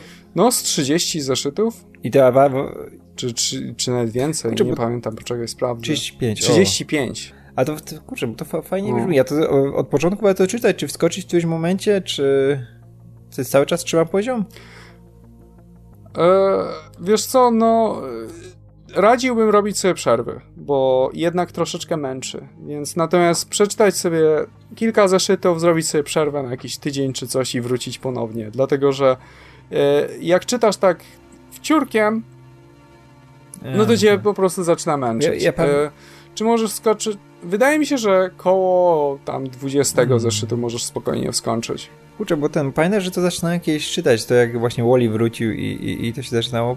Pamiętasz, że mnie mhm. odrzuciło przez, bo rysunki tam były paskudne na początku, e, jakieś takie dziw, dziwne i mi nie pasowały. I później przy, jak był ten e, Lazarus kontrakt z Deathstroke'iem, był crossover i Titans, wtedy jeszcze miałem i mhm. kurczę, to fajnie, fajnie ta drużyna wyglądała tych numerach.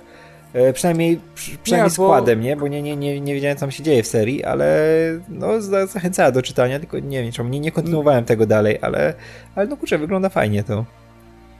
Na początku Brett Bruff e, rysował tę serię i jak gdyby ja ją lubiłem pomimo tych rysunków, bo też mi się nie szczególnie podobały, ale on szybko opuszcza to okay. ją.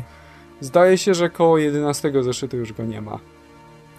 A tak, to wtedy... wtedy 12, o, no to wtedy zaraz po tym, po Lazarus kontrakt.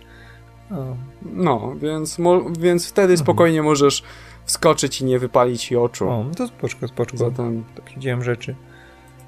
A ty, a ty a nie, nie czytałeś tych e, Teen Titans? E? Czytałem z trzy ostatnie zeszyty i to tak bardziej kartkowałem niż czytałem. I e, średnie wrażenia, szczerze mówiąc, jest mocno przegadane i jest takie. Ej, a kto, kto to teraz, kto to teraz pisze? Bo to pisał Persji przez jakiś czas, nie? Tak, ale teraz to chyba pisze kto inny. Bo, bo do, do Persiego to bym nie wracał na pewno do, do, do jego wersji. E, chyba teraz u nas wydają zresztą, bo on od, od jakoś pierwszego, pierwszego tomu zaczynał Persji, nie? Tak, tak, tak. Czekaj, czekaj, czekaj. E... Teraz pisze Adam A to on kiedyś pisał tego. E, chyba Robina i nie wiem, czy nie też Teen Titans przed New 52 jakoś. Wydaje mi się, że na pewno Robina pisał.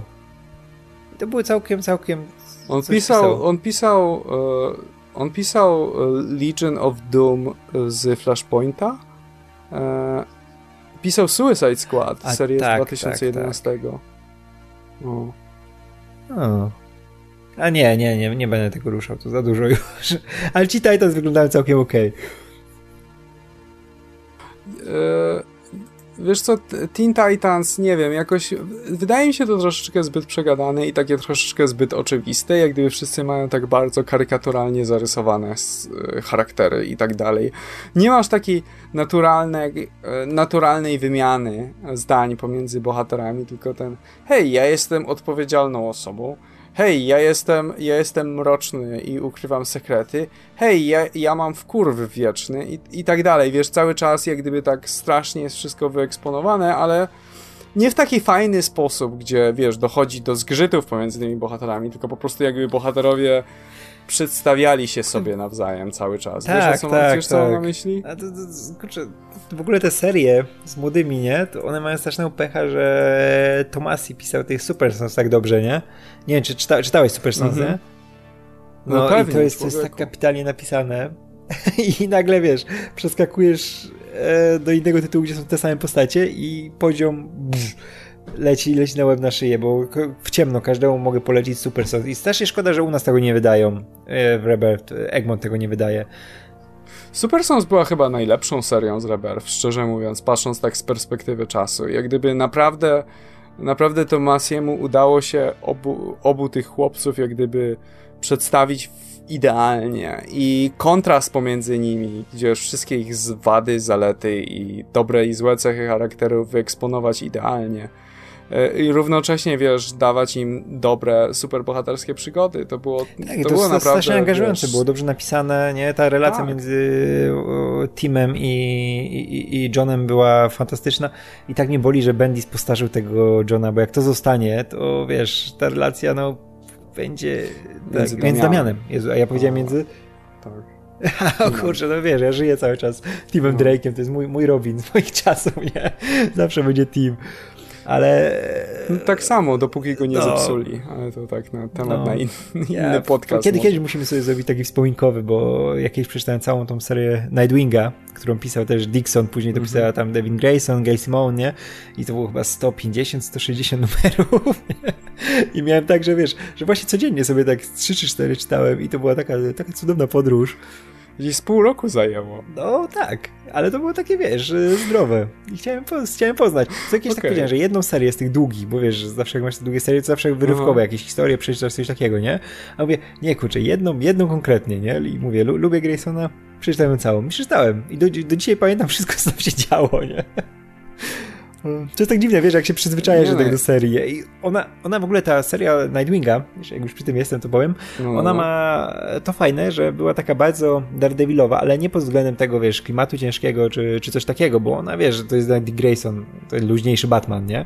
Że ma, ma te Batmanowe przygody, Jasne. tylko no jest tym, tym gościem, który się śmieje i, i, i jest, no jest, jest spoko gościem tylko pod tym względem Batmanowa, że tam, znaczy pod tym względem Daredevilowa, że cały czas tam wprowadzali, wiesz, fajnych e, scenarzystów. Że jak jeden odchodził konkretny, to przychodził mhm. znowu ktoś konkretny, nie? I nie czułeś takiego, że ktoś jest nagle wypełniaczem i jest jakaś straszna nuda, nie? Miałeś tak, że było właśnie, o, tam przecież chyba 100 numerów był, prawie, że 100 był e, Chuck Dixon, który miał super pomysł na tą postać i ją rozumiał zupełnie. Zresztą on w tym samym czasie przez chyba 100 numerów pisał serię Robina. Więc no, to, to były jego postacie, które on mm -hmm. rozwijał przez lata 90.